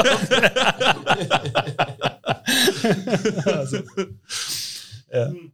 Men det neste, du skal være spiker på ekstremsport, eh, VK. Ja, det skal jeg også. Uh, og det Ja, det blir jo litt sånn derre um, Pippi-opplegg. Det har jeg ikke gjort før, så det klarer jeg helt sikkert. ja. ja, men det er jo liksom som uh, da vi begynte podkasten. Ikke sant? Vi bare, bare lager. Ja. Så, og det er litt sånn altså, Sannhet med modifikasjoner. Da. Jeg var, jeg var speaker på Lusfest, og Ja. Så du tenker at Lusfest var en sånn liten oppvarming til ekstremsport-VK? ja. Ja. Det, nå er det A-game. Nå er det Nei da. Men uh, ja, jeg, jeg vet jo ikke helt hva jeg, hva jeg går til. Uh, jeg har jo ikke vært på VK før. Noe som jeg sikkert også fortjener litt sånn uh, ekstra straff for. Men eh, Nei, jeg, jeg tror det kommer til å bli kjempegøy. Ja, De satser hardt i år, skjønt. ja, herregud, de har jo så mye sykkelprogram. Mm. Og ja, nå vet jeg ikke når, øh, når vi får, eh, dere får øh, lagt ut på den her, men billettsalget slutter jo 26. juni. Ja. Så rekker man det, så er det bare å melde seg på. Det blir kjempegøy. Det tror jeg blir rått. det. Norgescup i downhill, og så var det urban downhill i tillegg. Hvor, Og- hvor, hvor urban er Voss sentrum, egentlig? Nei, det er et godt spørsmål. Jeg har jo for så vidt vært der og spist eh, pizza mens jeg har kjørt forbi, så det er, jo- det er jo et slags sentrum. Det, det ligner ikke helt de derre eh, søramerikanske Eh, byer man sånn ellers ser sånn urban downhill. Jeg så ikke at hele byen var bygd opp av sånn trappegreier, men det er jo Det er vel en slags bakke, da. Ja. Ja, det må jo la seg gjøre. Ellers er det veldig kort urban eh, downhill. Ja, det, det var noen som sa at man kommer til å sykle gjennom et hus. Jeg vet ikke om dette medfører riktighet, men uh, i så fall så Vi håper på det beste. Ja. Så, nei, vi får se. Men uh, igjen, det er utrolig kult at de satser. Og jeg har jo altså, Litt av grunnen til at jeg ikke har vært der, er jo fordi jeg har hatt inntrykk av at det har vært kanskje ikke så fokusområde, egentlig, med sykling. Mm. Eh, så nei, det blir veldig spennende å se. Jeg gleder meg skikkelig. Men det virker som eh, altså, Downhill hadde en liten down-periode. Eh, og så har syk, altså fulldempesyklene har utviklet seg så helt sinnssykt de siste fem-åtte år, eh, kanskje. ja. Ehm, det virker som den har, det egentlig har hatt litt positiv effekt for downhill-miljøet, som nå opplever at det er, begynner å komme litt tilbake. og så Litt mer satsing på bikepark pga. at flere har sykler som egner seg for det. Kanskje fordi ikke du må ha downhill-sykkel lenger, men du Ja, kan bruke Ja, samme stisykkelen. Ja. Ikke sant? Ja. Det blir litt mer folkelig. Mm. Uh, det, jeg tror det er absolutt. Og igjen det at vi har ja, folk som Brage, da. Mm. Uh, og mange andre som man ser opp til i små lokale miljøer. Eh, det gjør jo at Altså Starter kidsa å sykle, så plutselig innser man at hei, dette er noe man kan gjøre sammen hele familien, og så ja, er det jo ja, folk på min alder som har sykla lenge, og som plutselig får kids, og så er det også familieaktivitet. Og det, det vil jo også gjøre at det blir mer si, Mer enn bare sånn si, hardcore høkkegreier, men også litt mer tilgjengelig. da. Ja, det er, det er jo mengden av brukere som gjør at de kan ha råd til å bygge en ordentlig bikepark også. Det, er ikke, det holder kanskje ikke med den aller hardeste kjernen å bare tilfredsstille. Nei, ikke sant? Og det, det er derfor jeg syns f.eks. bare hvor mye pump tracks som bygges rundt omkring nå, det er jo helt gull. Fordi det eneste det handler om, er jo å ha det gøy på to hjul, eller tre eller fire, eller hva man Mm. har. Ja. Men det inspirerer jo, da. Og jeg tror det å så frø på den måten der, det gjør jo at ja, sykkelmiljøet er- kommer bare til å vokse og vokse. Ja. Ja, men jeg tror også det var altså, Før, så, i hvert fall sånn som jeg opplevde det, var sånn Hvis du skulle begynne med utfor, så måtte du kjøpe deg utforsykkel. Det var liksom ikke, det var veldig lite å velge mellom, mellom, som mellomting. Og da var det, da var det sånn det var, det var enten eh, en sånn eh, hva skal jeg si, sånn eh, terrengsyklist Ja. eller utfor. Og det, det ble plutselig så ekstremt. Men etter at fulltempere ble såpass mye bedre, så for Jeg begynte, å begynte ikke å sykle full, altså stisykling før jeg var godt over 30 år gammel. Ikke sant? Eh, også med fulldemper. Og så, eh, og så plutselig så etter hvert så opplever jeg at sånn, oi, det er ikke så skummelt likevel. Og nå begynner jeg å sikle på utforsykkel. ikke sant? så det er litt den derre at eh, Det er baby steps, på en måte. Det er jo det. Og det, sånn, det skal jo sies da, som en liten kommentar til det, så når jeg starta sykle etter skaden, så hadde jeg jo solgt alt av sykler, bortsett fra en eh, Trek Bruiser, sånn hardtail-sak, som jeg da hadde bygd opp med Jeg hadde satt på en Marzocchi, sette en freeride-gaffel og hydrauliske bremser og full pakke. Og den brukte jeg jo til dirt, til downhill, til bare sånn you name it. Den, den funka til alt. Uh, og det var jo kanskje litt sånn også før at Ja, selvfølgelig, det var veldig vanskelig å sykle oppover med en utforsykkel. Men, men det var heller ingen som sa at jeg ikke kunne det. Mm. Så for eksempel når jeg da skulle sykle i seteren Jeg, bodde, jeg vokste opp på Hovseter. Eh, For de som ikke er lokalkjent, hvis du da skal sykle fra Hovseter til Besserud, så er det ganske mye oppoverbakker. ja, det er langt. Eh, men jeg tråkka da fra Hovseter til, Be til Besserud på min Santa Cruz Super 8, som veide godt over 20 kilo.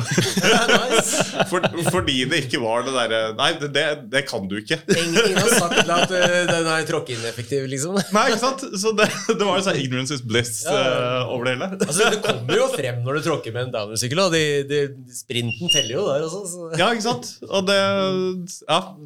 Det er vel noe med fysikken som kanskje har endra seg siden den gang. Så jeg hadde nok ikke klart det i dag, men eh, Nei, jeg tror definitivt at Ja, utforsykler nå er jo også noe annet enn hva det var den gangen. Og det er jo så innmari gøy. Men eh, jeg ser jo sånn som nå Jeg bruker stisykkelen min til nesten alt. Mm. Og om det liksom er en kjapp tur i bakgården etter jobb, eller om det er downhill, bike park, you name it. Mm. Og ja. Det er på mange måter, eh, Med mindre hoppene blir sånn her motocross-størrelse, så er det jo nesten morsommere ofte med en stisykkel også, fordi, fordi den er så manøvrerbar. på en måte. ja, definitivt. Og det er jo noe med jeg, jeg er veldig glad for at jeg starta sykkel rollercoaster for eksempel, på utforsykkel, fordi det tilgir jo veldig mye. Og det er jo noe med den følelsen når du tar et kjempestort hopp, og det kjennes jo da sykkelen lander som en brødskive med smørsida ned. Du, du, du har jo godt ordtak med, om uh, utforsykkel. ja, Down, downhill bike, don't give a fuck. Ja, det, har jeg hørt. ja, ja, men det er noe med det som er litt sånn Det er et snev av idioti. Og særlig for de som er, for de som er kjent der, så er det Etter buldredroppet så er det sånn naturlig parti i buldre før KGB kommer inn. Mm. Og jeg har hatt utforsykkel i så mange år kun pga. det partiet der. Fordi det å kunne se ok, klarer jeg å ikke bremse i det hele tatt ned her nå, og så plutselig være på bånn og lure på hvordan i alle dager gikk det der bra. Bare peke på downhill-sykkelen. Ja, ikke sant? Det er sant, den redder deg sykt. Ja, og det, det er jo så gøy. Mm. Så man må jo tenke litt mer og være litt mer eh, finesse med stisykkel, men samtidig så føler jeg sånn som nå i helga Jeg kan gå større i rollercoaster og Motown og sånt på stisykkel enn på utforsykkel fordi jeg har mer pop. Ja. Mm. Uh, og altså Jeg Jeg kommer alltid til å ville ha utforsykkel. Men uh, Nei, jeg ser jo at jeg bruker stisykkelen mer og mer. Ja, ja. Ja. Du, du har en utforsykkel til salgs, men det kommer vi tilbake til. Ja. Men uh, butikk-Martin, mm -hmm. uh, når var det det gikk fra altså, å være hobby til at det eh, begynte å bli alvor? Nei, det var Det starta vel så smått med baby steps med dette Loose Riders-prosjektet. Og det, det ble jo for så vidt et tapsprosjekt. Eh, Men da var jeg på en måte litt inn i bransjen. Eh, og så var det 2017 hvor jeg da fikk eh, jobb hos Star Motor. Eh, og da jobba jeg med e-commerce-delen av ting, men jeg jobba da fortsatt i en sjappe som driver med sykkel. Da.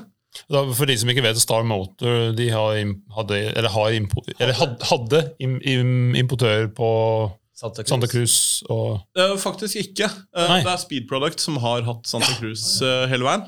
Eh, men Star Motor hadde rental.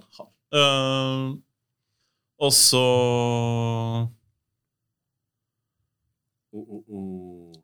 Ja, Nå er det garantert noe jeg glemmer, men etter hvert så fikk vi også inn eh, Revel Ja. når vi var på strandmotor. Hva Stemmer, det var jo rett før de gikk belly up. Ja, og det skal sies da at de, det var ikke belly up. Det, det ble drevet utrolig bra, men uh, eieren eh, ja, som drev uh, cross- og sykkelavdelingen, ble uh, ja, lei, rett og slett. Ok. Og ja, valgte istedenfor å selge det og på en måte tarnish uh, the name, så ga han sammen streken var god. Og ga jo da også muligheten til Mikke og meg å starte Gira, noe som vi er så utrolig takknemlige for. da. Fordi vi hadde jo heller aldri fått den muligheten til å starte sjappe hadde det ikke vært for Star Motor. Nettopp. Så giret ble startet i fjor? Ja, vi åpna 1. mars 2020. Tolv dager før pandemien. ja. Så ja, 3. mars skulle vi ha åpningsfest. Ja, men Det husker jeg, for det Det fikk jeg en invite til, og det gikk vel ikke an. eh. Nei, det ble utfordrende. Så Ja. det, det skal jo sies at jeg tror AS ble stifta i november. Eh, og det var vel egentlig ganske tidlig at vi innså at uh, da Mikke og jeg hadde lyst til å ja, videreføre det vi hadde starta med på Star. Fordi vi hadde fått utrolig mange fine kontakter, og ja, vi øyna en mulighet, rett og slett. Mm. Og når vi da fikk muligheten til å overta et lokale hvor det hadde vært sykkelverksted i Asker i over 20 år, så var det ikke så mye å lure på, rett og slett. Så da var det egentlig bare å få, få stifta AS, og vi fikk med oss agenturene eh, pluss et par til. Eh, og så har det egentlig gått veldig sånn slag i slag. Det Ja. 2020 var helt fantastisk, og nå klarte vi å få Gavin på laget nå i vinter, som er helt utrolig flink på demperservice, som er en sånn derre hokus pokus uh, Vet ikke hva du driver med greie for meg. Ja, jeg har jo sett en eh, video. Det hadde en ganske grei hype-kampanje der. Ja, vi, vi gjorde en liten innsats der. Det ble, we pulled some strings. Imponerende eh, promotering. Jo, takk. Og det, det også er jo noe av det ja, kanskje særlig jeg synes er gøy. Det å markedsføre kanskje litt annerledes enn det andre gjør. Ja, det Men- merker man at det er det. Dere, dere har, du har litt eh, Eller dere, eller om det er du, jeg vet ikke, som har, det er litt originale og finner på litt andre, andre vinklinger på det. Ja, markedsføringen. det, du kan si Mikke og Gavin er utrolig gode på å skru sykkel og jobbe med sykkel, men akkurat eh, EDB og datating er Ja, det er det jeg som har tøylene på.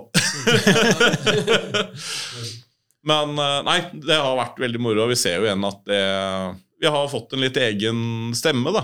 Og det, det har vært veldig gøy. Og Men eh, jeg ser at eh, altså, det snakkes mye om Support Your Local Bike, Shop, altså LBS, eh, som mange forkorter til. Ja. Men dere har ganske hard konkurranse. Altså, for eksempel eh, XXL, som selger Fox-ting. Ja. som, som dere selger. Ja. Eh, og du har jo kanskje store internett, eh, altså nettbutikker som Bikeshop og sånne ting. Men hvor viktig er det for dere å ha både lokalen, men også den annen tilnærming Mm. eh, for å få en kunde? Jeg, for det første så er jeg ikke så veldig bekymra for at XXL selger Fox. Nei. Uh, særlig fordi Fox har jo flere serier med produkt, og uten å måte, pitche det for hardt. Eh, så Ranger-serien er på en måte innstegsmodellene i bukser og jerseys og sånne ting. Og det er den serien som XXL får lov til å kjøpe. Eh, mens eh, Flexer og Defend og det som er litt fetere for stifolk, eh, det får ikke XXL lov til å selge. Eh, så er det sånn, ok kjen- Jeg vet på en måte ja, Vanlig mann i gata, forskjellen på det, kanskje ikke. Ja, jeg visste ikke det. Nei, Men da fikk jeg nevnt det nå til Vi er ikke sponset, så det er bare å gønne på. Nei da, men det, så jeg skal ikke sitte her og selge den, men det er, det er sånne ting som gjør at jeg ikke er sånn kjempebekymra. Uh, også fordi det er et av flere merker som går ganske bra hos oss. Eh, men så er det også det med at vi har Vi har hatt fullt kjør på verksted hele tiden. Eh, og det som kanskje er kulest med det, er Og litt sånn som vi kjører Google Ads-kampanjen våre, da, uten å måtte, fortelle kort og for mye. Men i Asker så promoterer vi oss selv bare som et sykkelverksted. Mm. Uh, vi nevner ikke at vi er noen nisjesjappe i det hele tatt. Uh, mens f.eks. det at du kan gå inn på nettsida vår og bestille, bestille dempeservice og sende demperen i posten til oss, det reklamerer kun for liksom, ja, et godt stykke unna. da. Mm. Uh, så vi prøver å være ja, pendlerens uh, sykkelverksted i Asker. Og så i Oslo og omegn så er det jo mange som vet f.eks. at Gavin er utrolig god på dempere. At Mikke, Mikke har jobba på Han jobba på Birksportshagene før Mm. uh, Star Motor, og har kjempegodt renommé. Han er dødsflink. Så vi har fått til mye av renommeet til de to også. Mm. Men uh, jeg tror vanlig mann i gata som sykler til og fra jobb i Asker, vet ikke det. og det, det er litt av målet vårt også, sånn at vi kan, vi kan skru på gamle damesykler, og vi kan skru på feite fulltempere, og det er kjempefint. Det er eh, diversifisering av eh, porteføljen. Ja, rett og slett, og man får litt flere bein å stå på. da. Ja, Eh, og vi ser jo sånn som folk som sykler om vinteren, det er jo helt fantastisk, for det blir jo så mye slitasje på Ja, det, det er jo fint for omsetningen. det. Ikke sant? så nei, det, det har vært en spennende reise så langt, altså. Mm. Det har det. Mm. så, Du snakket jo om Revel. eh, Hvordan fikk du Hvordan kontaktet dere dem, og hvordan var den historien? Nei, det var jo egentlig ja, Det var flere grunner til at vi fant ut at vi ville ha et eget sykkelmerke på Star. Uh, og så var det en annonsering på Pinkbike om et eh, helt nytt sykkelmerke fra Colorado som heter Revel. Og så leste vi litt, og det virka skikkelig kult. Og så tok jeg en telefon dit, og så to dager etterpå hadde jeg et telefonmøte med eieren, som var kjempetrivelig. Og så fant vi egentlig ut at ok, men for å gjøre prosessen enklest mulig, så fikk vi bestille x antall rammer fra, eh, direkte fra Asia, så de slapp å ta omveien til USA først. Eh, så fikk vi tak i komponenter og utstyr og sånt selv, og fikk bygd noen sykler som vi hadde lyst til å sykle på sjæl. Ja, jeg husker det. Det var jo veldig sånn individuelt bygd, de første dere solgte. Ja. Og, det, og jeg syns jo det var kjempegøy med liksom, Ja, det var GX-kit som- og sånn GX-gir og sånne ting som funker dødsbra. Og så var det Hope bremser og rental cockpit og liksom ting vi er stokka på sjøl. Mm. Og det slo jo veldig an. Og selvfølgelig, det var jo ganske spennende å ha lagt ganske mye penger på, penger på bordet for å få de syklene inn uten å ha prøvd de noen gang. Men så dukka det jo opp review etter review som ja, ble Ad Revel ble bare lovprist, rett og slett. Og litt av historien der, det var veldig gøy. Eh, vi fikk besøk av eh, markedssjefen og eieren nå i 20... Var det 2019? Ja, det kan sikkert, Jeg husker det så vidt fra alle Instagrammene. Ja. og da fikk vi jo høre hvordan alt dette starta. Og det har en utrolig kul bak, bakhistorie. Oi. Fordi eieren, jeg tror han har rukket å fylle 29 nå. Oi, er det så ung? Ja. Jeg trodde det var en gammel ringrev, som noen av de andre er. Ja, men uh, nei, Adam, som eier Revel, han uh, gikk ut av college. Og mens han gikk på college, så starta han et fatbike-firma som heter Borealis. Mm. Uh, egentlig fordi han gikk på Ja, han er fra Alaska og gikk på college der. Og ville lage gode sykler for seg selv. Uh, og så tror jeg det var Bike Expo eller noe sånt noe, hvor den sykkelen ble annonsert. Og så startet bare å drøsse på med bestillinger. Og mer enn jeg tror han hadde forventa. Uh, og det her er uh, Dette er ikke en story som står på print, men jeg syns den var ganske kul. fordi der skar det seg litt. Og igjen, han hadde jo investorer som eh, ja, ville andre ting med merket, mens han var litt mer på at hvis han lager sykler som han er stalka på å sykle på, så er det garantert noen andre som også er stalka på å sykle på det. uh, men det endte opp med at eh, han da ble skvisa ut av Borealis. Mm. Og så hadde han alltid lekt med tanken på å lage titansykler. Uh, og hadde da litt sånn friår og hadde tjent greit på det som var. Og så har han flytta til Colorado, og der borte så hadde de jo legalisert eh, ting og tang. Uh, og så fant du at hm, da kan han prøve å lage litt brukerutstyr i titan. Og se hvordan titan funker. uh, og så plutselig hadde man da funding man trengte for å starte Y-Cycles. Uh, som da er helt utrolig kule titansykler.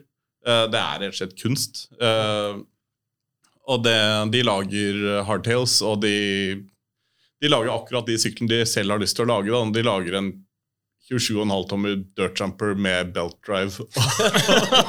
og jeg tror det er sånn Hvis du hadde sagt det til et eller annet board i et eller annet stort sykkelfirma, så er det mange som hadde rynka på nesa. da Uh, men etter hvert så gikk Y såpass bra, og så fant han ut at hm, karbon fulldempere, det er jo ganske fett. Uh, og da testa han ganske mange forskjellige oppheng og ting og tang.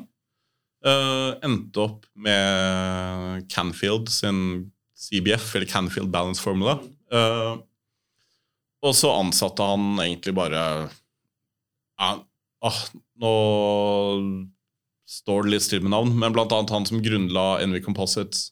Mm. Uh, NV, jeg, skjønte, jeg husker heller ikke navnet, men jeg skjønte at det var noen sånn NV karbonekspert. Ja.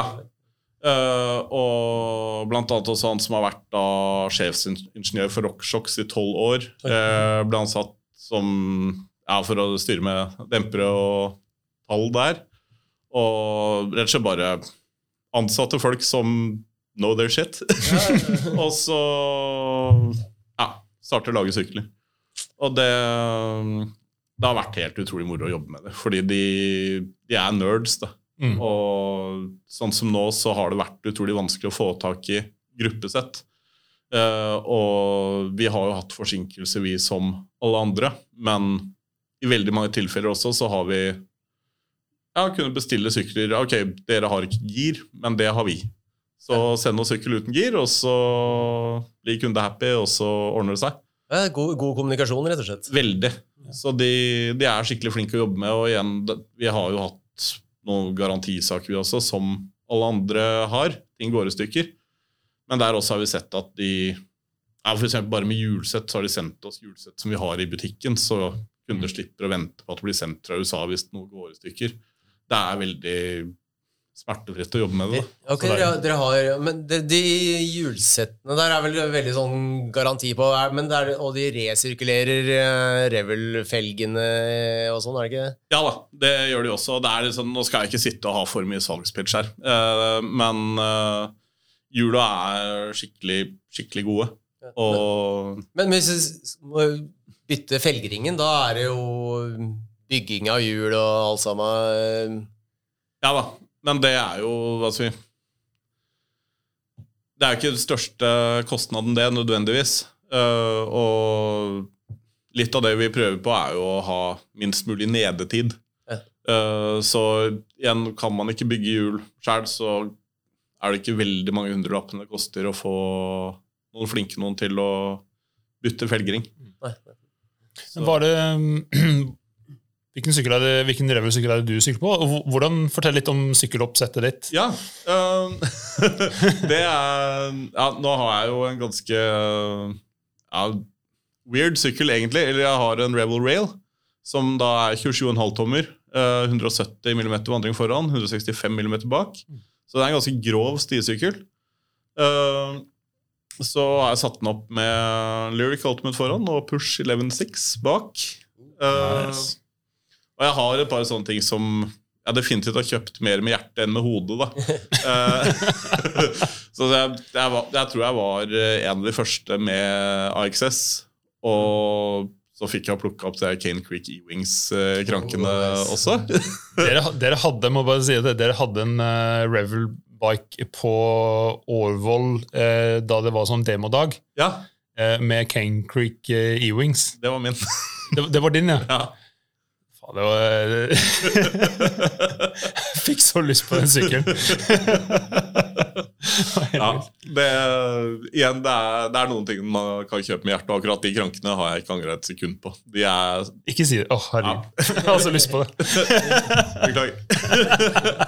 Men eh, nei, så ellers så har jeg satt den opp med Den er ganske freeride-spekka, så jeg kjører en 780 bredt styre med 48 Rise.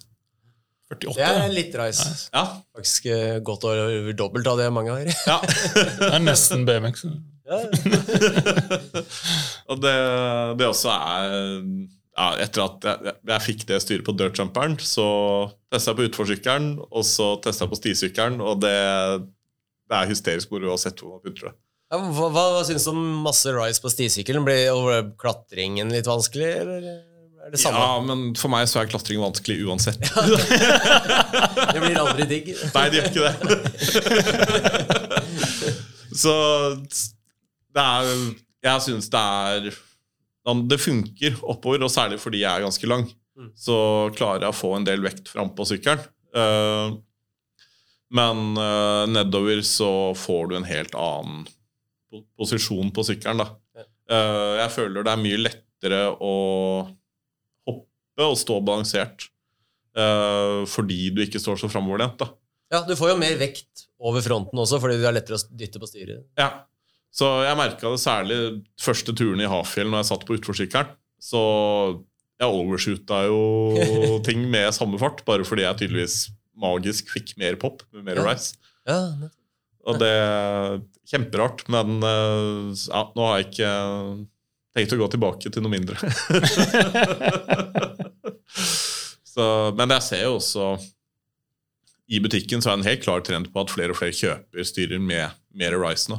Mm. Så det, jeg tror det har blitt en uh, greie. Så. Jeg har sett trendene, ja. Og eh, Ratboy Bryce eh, bestilte jo enda mer rice fra sin leverandør, og de har jo kommet med noe. Ja, fy faen, det der Bergtech-styret Ja. med 50 rice, det er så utrolig fett. Det er, litt så, det er litt kult også bare for det er rett i fleisen, fordi alle som har flatt Ja, en av de første stisyklene jeg hadde, eh, den hadde jeg vet ikke hva det, men eh, sannsynligvis hvis jeg ser på bildet, så tror jeg det var sånn mellom 45 og 50 rise. Men da måtte man ha, man skulle ha flatt, flatt eh, styre. Ja. Så da, den eh, snudde vi 90 grader fremover. Ja. Det, var, det var liksom det som var in. Wow. Og jeg ser på bildet av det nå. Jeg var sånn No! What were you thinking? Hva har du gjort med deg selv? Ja, det verste var Vi sleit med at de der styret den, den sklei jo nedover hele tida. Ja. Kan jeg spørre hvor langt stemmen den sto på? Det var ikke Nei, Det står sikkert på sånn 150 eller Nei, jeg visste ikke noe bedre. Med, med sikkert 75 hedgy bang eller et eller annet. ja, Det var noe litt søtt. Så jeg husker jo en sånn, Da jeg konkurrerte i downhill, da skulle man jo kappe styrelsen mye det gikk. Ja, ja, ja. Det skulle være så smalt. Og det er jo sånn, Når jeg ser på gamle sykkelfilmer nå Jeg synes jo for eksempel, liksom, se på Seasons, eh, Collective og sånne ting Det gode gamle fortsatt er skikkelig stas. Men det er noe med å se på de styrene der hvor alle ser ut som T-rex. eh. Det ser så ubehagelig ut. Ja, gjør det. Og jeg kapper styret mer på høyresiden enn venstre. Jeg har vokst opp i England, selvsagt. Og der er jo sirespeil Ja. på venstre side. Så styret kapper du mer på høyresiden for å sykle i byen mellom bilene. Kødder du? Så måtte jeg ha mer plass på høyresiden enn på venstre. Wow. Så, så det var en liten stund at eh, høyreside, altså styret på høyresiden var sikkert 4-5 cm kortere, og bremsen var jo godt rundt buen. oh, det er fun fact. Ja. Helt sånn. Det var ikke det en som gjorde det. Det var sånn eh, fashionate sko. ja, ja. Men eh, du, du er, nå er du rimelig dreven på foto. Ja, takk. Det, Det, ja, nå skal jeg faktisk ha fotokurs og litt sånt også. ja, for det er du, du har jo Jeg ser du har annonsert for fotokurs, og du har hatt uh, yogakurs. Ja, Det er litt kult. Begge deler blir noe av. Uh, Yogakurset har oppstart etter sommerferien. og det også var utrolig gøy, fordi at så fort som vi la ut det, så fikk jeg så mange meldinger fra folk som sa åh, herregud, jeg har alltid hatt lyst til å starte med yoga, men aldri turt å gå inn på et yogastudio. Når starter det? så ja, der kjører vi på. Og nå har jeg det første fotokurset i Alvdal. Uh, vi, skal, vi kan putte opp eh, datoer i shownotes. Husker Absolutt. Men det er, jeg er temmelig sikker på at det er andre helgen i juli. Eh, og det var egentlig bare en tanke jeg fikk, fordi jeg har alltid syntes at bilder og bilderedigering har vært gøy. Uh, og så fikk jeg etter hvert mer og mer kommentarer på at oh, det er så kult at du tar så mye bilder, og spørsmål om hvordan jeg gjør ting. Uh, fordi mange trodde at jeg brukte ordentlig kamera når jeg har brukt iPhone i årevis. Uh, og så tenkte jeg at hei, det hadde vært litt gøy å lære folk hvordan å ta gode bilder med mobil eller speilrefleks eller hva enn man har. Mm. Og så lære bort litt Lightroom og sånne ting. Og igjen, jeg er ikke noen profffotograf, men jeg tenker at siden folk syns det er kult å spørre, så kan jeg prøve å gjøre noe med det. Og igjen litt det jeg sa med opportunist. Det, det Ja, jeg tenker at det skal ikke prøve. Og jeg tror det kan bli utrolig moro. Så konseptet er så enkelt som at på morgenen på lørdagen så tar man litt sånn teknisk hvordan ta faktisk gode bilder av ekstremsport. Eller sport generelt sett, da. Og så dra ut og ha litt session og skjøtte litt og god stemning. Og på kvelden ha litt øl og lightroom og sånne ting. Og så fotokonkurranse på søndagen. Kult. Og det, jeg tenker at det er noe som man kan synes er gøy uansett nivå, da. Mm. Så har jeg også fått med Scandinavian Foto og Fuji på moroa. Og ja, jeg er veldig, veldig spent. Men eh, nå virker det som at det blir der. Vi skal prøve å få til litt i Hafjell, litt på Stryn. Og ja. Mm. Det, nå, ja. Jeg har vært litt forsiktig med tanke på bare se hvordan eh, koronarestriksjoner og sånne ting utvikler seg. Men eh, på sikt tror jeg det blir utrolig gøy. Ja. Apropos Stryn, du plukket opp en ny interesse for ski, har jeg lagt merke til? Ja, det også var egentlig bare litt sånn Slalåmski, altså. Ja. øh, fikk øh, testa åremålshytte. Uh, og så plutselig bodde jeg ute med ja, noen skilegende, Fred Syversen. Syversen, ja. Ja da. Jeg var dømt konkurranse sammen med han. Jeg var jo snowboarddommer lenge. Og det var, var noen ganger det var kombinert ski og snowboard. Ja, så fett. Ja, ja. Nei, så det Jeg har jo ikke stått på ski lenge i det hele tatt, men det ble jo Ja, veldig, veldig mye gøy hvor Han har jo så utrolig mye innsikt i teknikk og kroppskontroll. Og hvor mange kvelder vi har sittet og nerda med hvordan man kan overføre teknikk på sykkel til ski, og vice versa. Og jeg husker det var noe av det sprøeste jeg har sett, hvor vi hadde sittet en kveld og prata om scrubbing. ja. Uh, og litt altså, ja, Man ser på en måte ikke så mange eh, som står utfor på ski som scrubber. Eh, men ja, så ble det jo til at man liksom satt og prata om det og så på litt videoer. Og, tø, tø, tø. og så tar vi heisen opp uh, solheisen, og på første big jumpen så bare lener han seg ned og legger seg klin flat over hoppet. Nei. Og kommer på skia igjen. Og Oi. bare, ok, du tok det med scrub på ski etter at vi bare har liksom nerda litt. Det er rått. Så jeg lært, lærte mye der, og igjen, jeg kjenner jo det at før så har jeg jo ikke gjort så veldig mye på vinteren.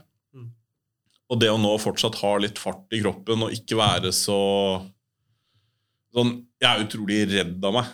Jeg sliter skikkelig med huet når det kommer til de store hopp og Ja.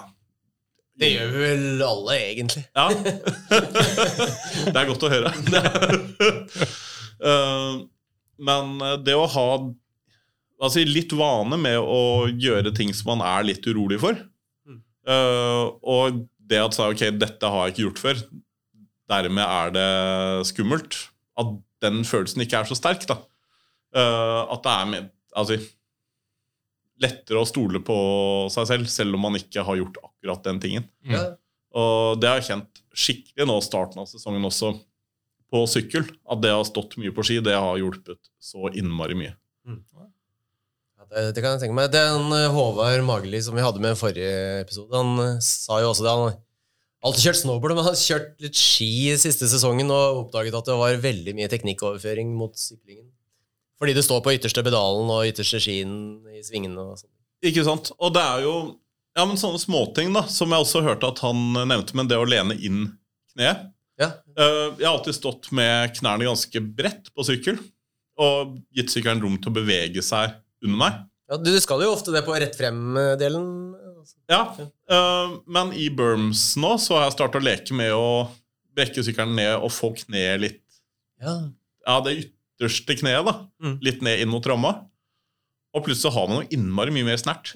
Ja, ja. Og så har du jo tabletoppen veldig nært. Da. Ikke sant? Så nå Ja, der mangler jeg den eh, Ja, rotasjonen i håndleddet. Ja, det er det. da. Det, Den, eh, den er skummel. Det er Så, men eh, det øves. ja, ja. Hvordan er du med manuals? da? Åh, det øves. Det øves mye. uh, jeg prøver jo å etterleve Christopher Gondrups uh, mantra om at uh, sykler du på grusvei, eller sykler du rett fram, så sykle på bakhjulet. Ja, det er, det er, det er han jeg har tatt det fra. Samme, Ja. har et program. Ja. så det har hjulpet eh, mye, men enn så lenge så er jeg veldig mye bedre på å tråkke på bakhjulet i oppoverbakke enn eh, manuals. Ja, da er vi, da er vi i samme skole. Ja. og det, det må jeg si, så jeg husker eh, Apropos manuals.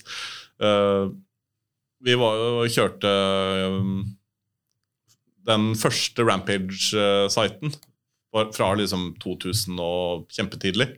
Der er det ganske vanlig at folk drar og sykler nå. Og så kjørte vi en linje hvor Nico sa at han skulle følge meg og filme. Og jeg fikk jo fullstendig overtenning, og jeg følte at sånn, ingen har kjørt den, det runnet her så jævlig hardt som det jeg gjør nå. og så ser jeg på GoProen hans, og så ligger han og hviler på bakhjulet etter meg.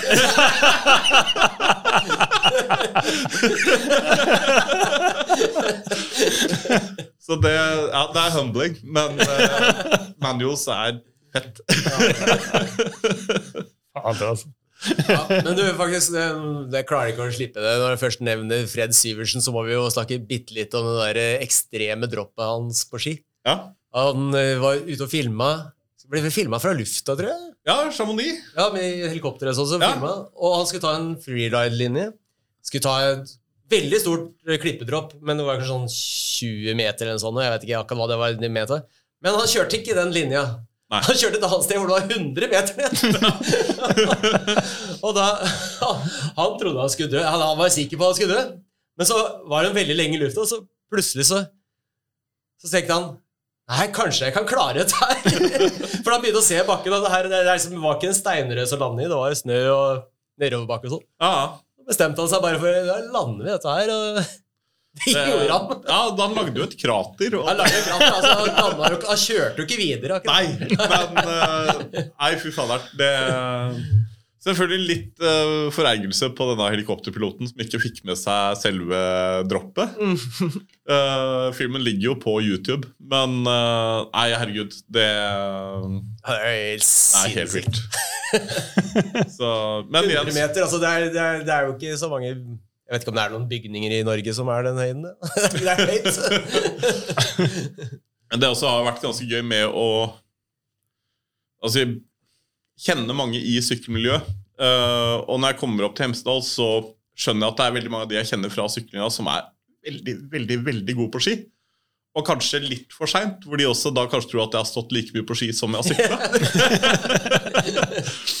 så det har vært et par tilfeller har vært nødt til å jeg det her gjør ikke jeg. Ta seg ski og base opp igjen. Ja, det er tungt. Ja, det er tungt. Det er veldig tungt. Både så innvendig og utenpå. Men det er det fine å ha starta med noe nytt. Da. Du kan alltid en unnskyldning. Det her har jeg faktisk ikke vært med på før. Ja, men herregud, det å starte med nye ting i voksen alder mm. Jeg husker, jeg tror det var i 2018 at jeg kjøpte ski. Det er ikke så lenge siden. Det. nei, det er ikke det. Og så var det første turen i Tryvann. Å, herregud, skistøvler er så innmari vondt.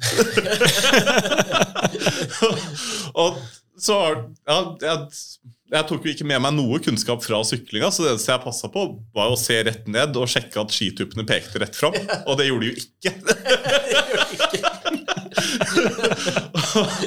og det Jeg satt i første heisturen og da Nei, drit i det. Jeg selger alt på Finn. Det her er Nei. Men så kjenner man på dette som heter progresjon. Og det er gøy, det. Det er jo det som er Ja, gøy. men Kurven er ganske brå i starten. Ja, den er det. Eh, og det endte med at påfølgende sommer så var det, Nei, jeg må ha mer progresjon, så jeg dura ned på um, Surf Snow Skate. Og var at duden på 35 som sa 'Hei, jeg skal ha skateboard'. Og, ja, hva skal du ha? Jeg veit ikke. Independent Trucker var fett da jeg var kid. Er det fortsatt fett? Ja, det er fett. og da igjen, Jeg var liksom 35 og sto i skolegården hvor det da var sommerferie, og ingen, og øvde på ollie. Ja. Med liksom enduro kneepads og hjelm og hadde, Ja, det var så digg. Bare altså der, Åh, jeg gjør noe som jeg ikke kan, og det er kjempegøy. Deilig, Så deilig. kult. Ja, ja. Men du, vi har jo Vi har gjennom lugubre metoder eh, tilegnet oss eh, litt kunnskap, og vi har noen stikkord som vi gjerne vil at du skal greie ut om. Um, Oi. Kanye West og karaoke. Ja, du, der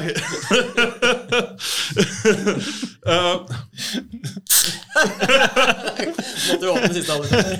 Ja, det måtte øl til. og det må det gjerne til før Kanye West og karaoke også. Men uh, Nei, det er vel når stemninga blir ekstra god, uh, så har jeg Ja, sunget Kanye West en gang eller to. Eh, jeg er også sjukt rå på, dans på å danse til Missy Elliot.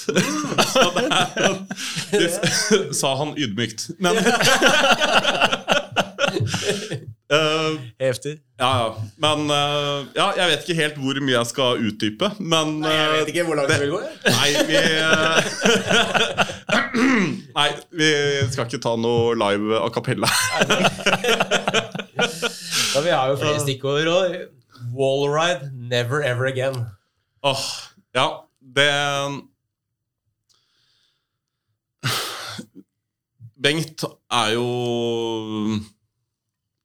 Ja, en av mine absolutt beste venner, og vi har syklet ganske mye sammen. Han har bygd en løype nede på Statellet, hvor han er fra. Hvor eh, Det var vel ikke så lenge etter at jeg hadde starta å sykle downhill igjen. Hvor jeg da var med, og så ser jeg da den derre wallriden her. Det var en sånn der skrå plankevegg.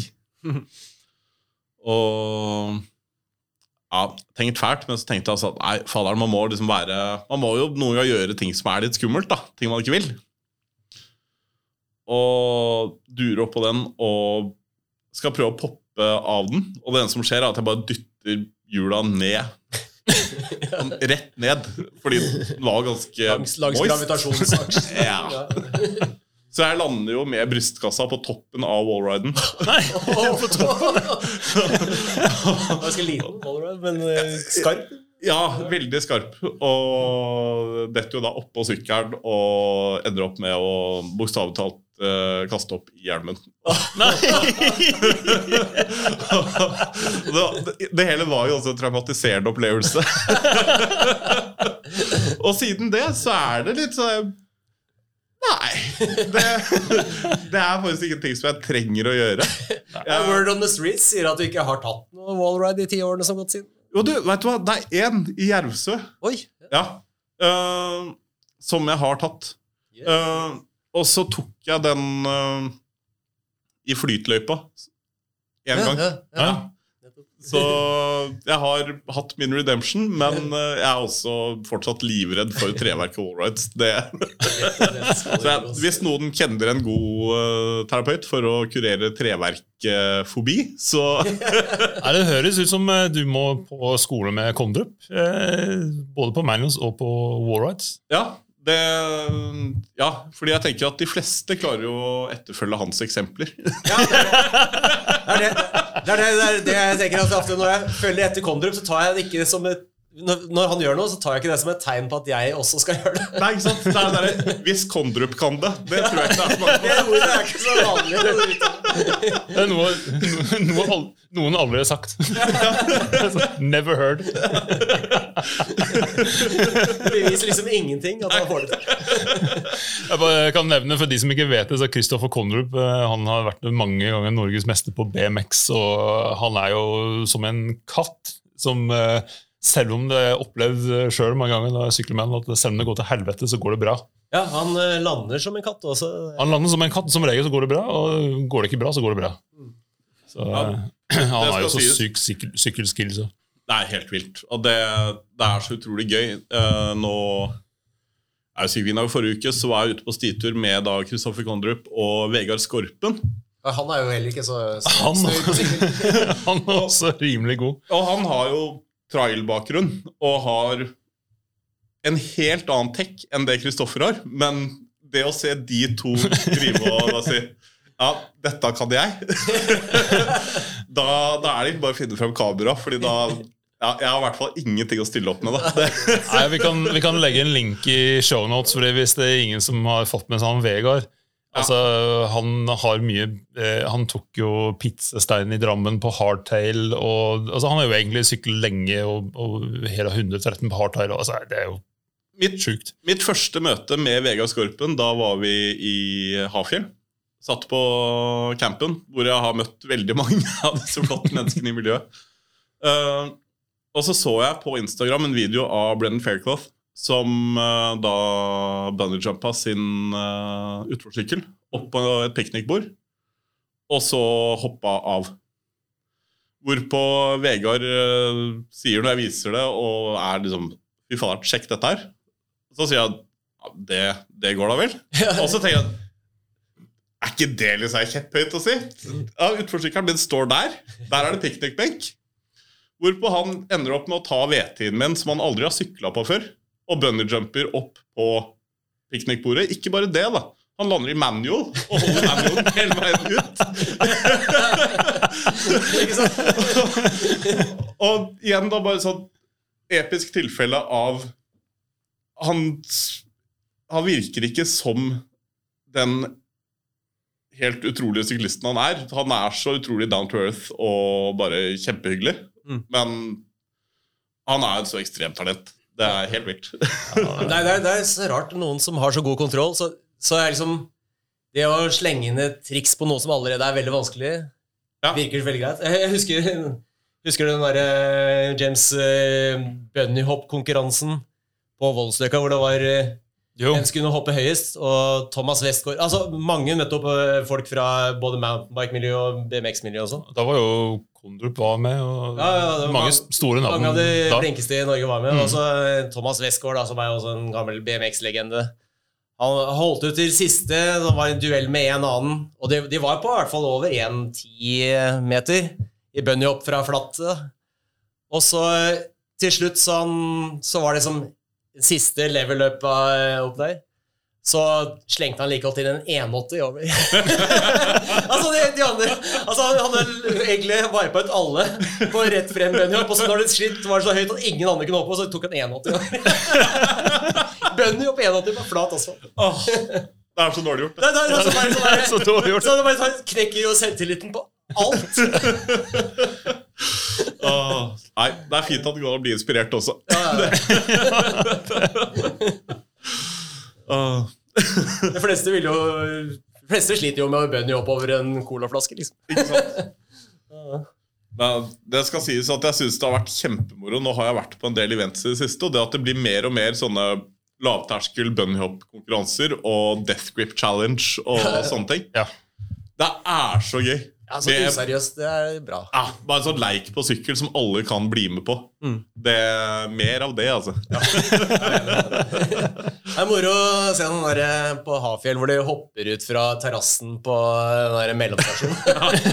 Ah, galskap. Ja, det er jo ikke trygt. Nei. Ja, ja, ja.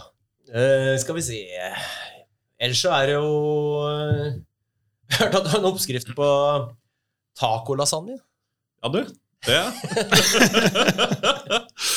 Åh, nå er det jeg, jeg tror jeg vet hvem kildene dine er. Men eh, nei, det, det hele stammer egentlig fra eh, Oi. Jeg bodde jo i kollektiv med Bengt Stensson og Eirik Folkedal. Og da hadde Bengt det ganske gøy med å lage mat som ikke så ut som hva det var. Eh, Men jeg ble da sært fornøyd med min uh, taco lasagne, hvor man da basically lager lasagne, men istedenfor uh, tomatkjøttsaus, så lager man jo bare tacokjøttdeig med løk og ting og tang.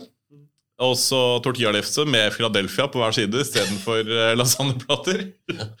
så legger de for. Ja, legger form. Masse ost. Og så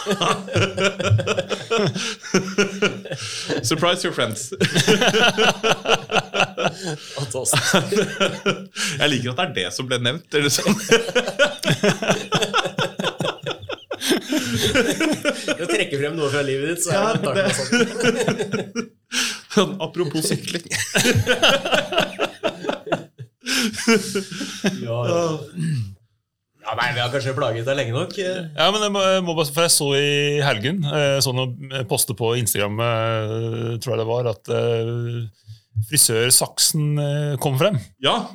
Altså, du er jo god på å skape, eh, skape hockeysveis på andre. ja, tydeligvis. Ja. Hvor lenge har du hatt hockeysveis sjøl? Du, den fikk jeg faktisk eh, på Huckfest eh, i eh, 2018. Ja. Eh, og da var det, hvis du går på Instagram, søker opp Stian fra Geilo Fantastisk flink frisør og enda mer fantastisk fyr. Hadde dessverre en skikkelig skikkelig kjip ulykke påfølgende år. Eh, så gjerne også benytte anledningen til å støtte eh, Jeg tror jeg tror ikke han har noe kampanje nå, men følg kontoen hans. Og han har hatt en kampanje som heter Stian Slow Sprint Pack. Mm.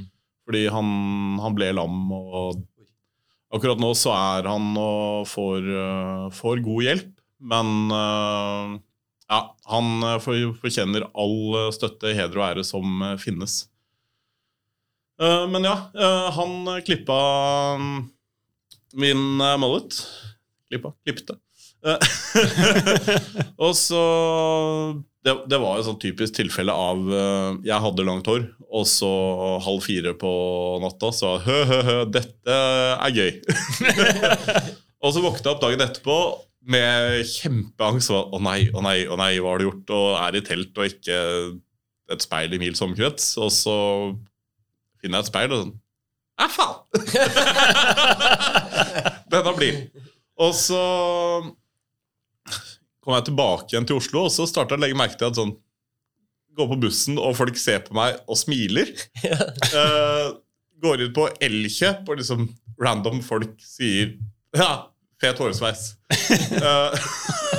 Det sånn, Hvis du vil ha masse kompliment fra 40-50 år gamle menn, dra på Monster Cup i Las Vegas. Eh, med liksom motocross og monster trucks og sånn.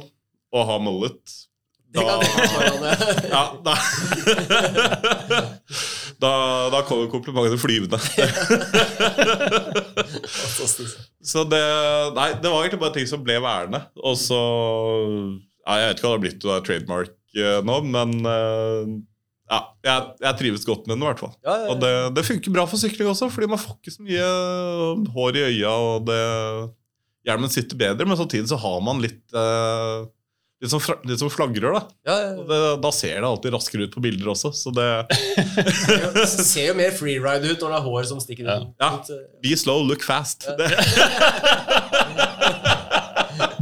Det tryggeste. så det Nei. Og så lurer jeg på, hvis du her på slutten her, hvis du skulle sykle en dag med en person Ja. på en hvilken som helst sykkel, eh, hvor som helst i verden, Oh. eh, hvem, hva, hvor eh, ville du valgt? Ja, Det er et veldig godt spørsmål. Og det var litt sånn ja, På den eh, Rampage-turen min En av de sprøere opplevelsene jeg hadde, var jo da å dra på den gamle Rampage-siten eh, og sykle sammen med Nico Wink, Josh Bender og Jackson Riddle. Uh, og det er liksom ja, tre generasjoner med legender, da. uh, og så var det så er dobbeltdropp-linje der. Uh, hvor eh, Nico egentlig anbefalte Han sa at ja, dette, dette har du. Og den, ja, den var ganske gnarly. Det er mye mer gnarly enn noe annet jeg har gjort. Men så var det ok, Nico står her. Bender er klar for å trekke meg inn. det er sånn Dette her er sånn derre Jeg vet ikke, eight bare- mile eller noe. Det bare må gjøres. Det, det er nå det skjer, da.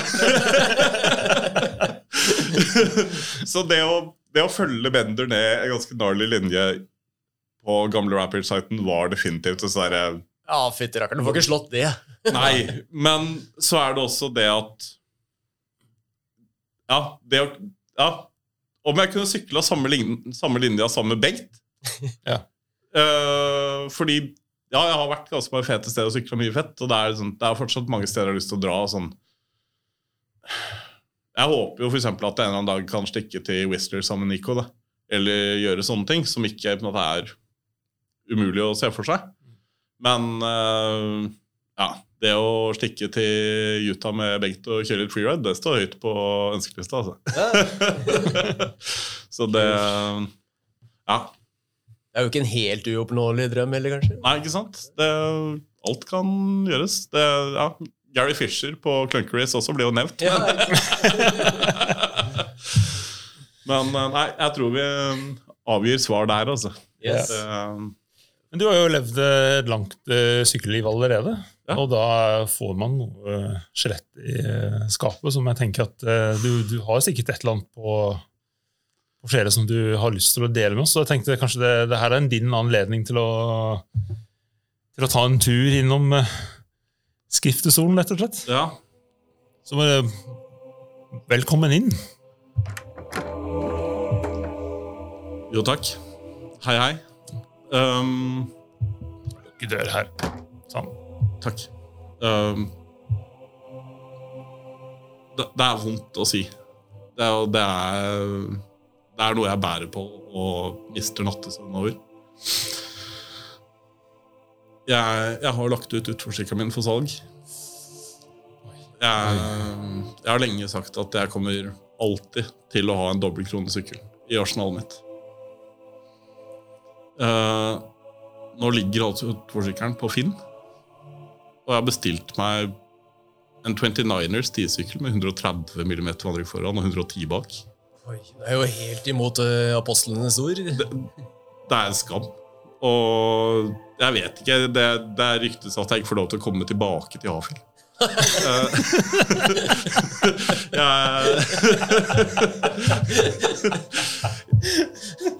jeg, jeg vet ikke helt. Det, det har vært en lang prosess. Eh, men tidene forandrer seg, og ja, jeg blir jo eldre. Og Nei, kanskje det, er, kanskje det er sånn alderdommen ser ut, med Lycra og 29er og lite vandring, men uh, Nei, jeg vet ikke. Selv om en æra nå er over, så håper jeg kanskje at vi får se opp utforsykkel igjen en eller annen gang. Men nå kommer jeg til å være uten. Det er jo sånn det har blitt. Jeg tenker det var godt å få det sagt, i hvert fall. Ja, det var godt å få sagt. Og trenger du utforsykkel, så ligger den på Finn nå. På 9000.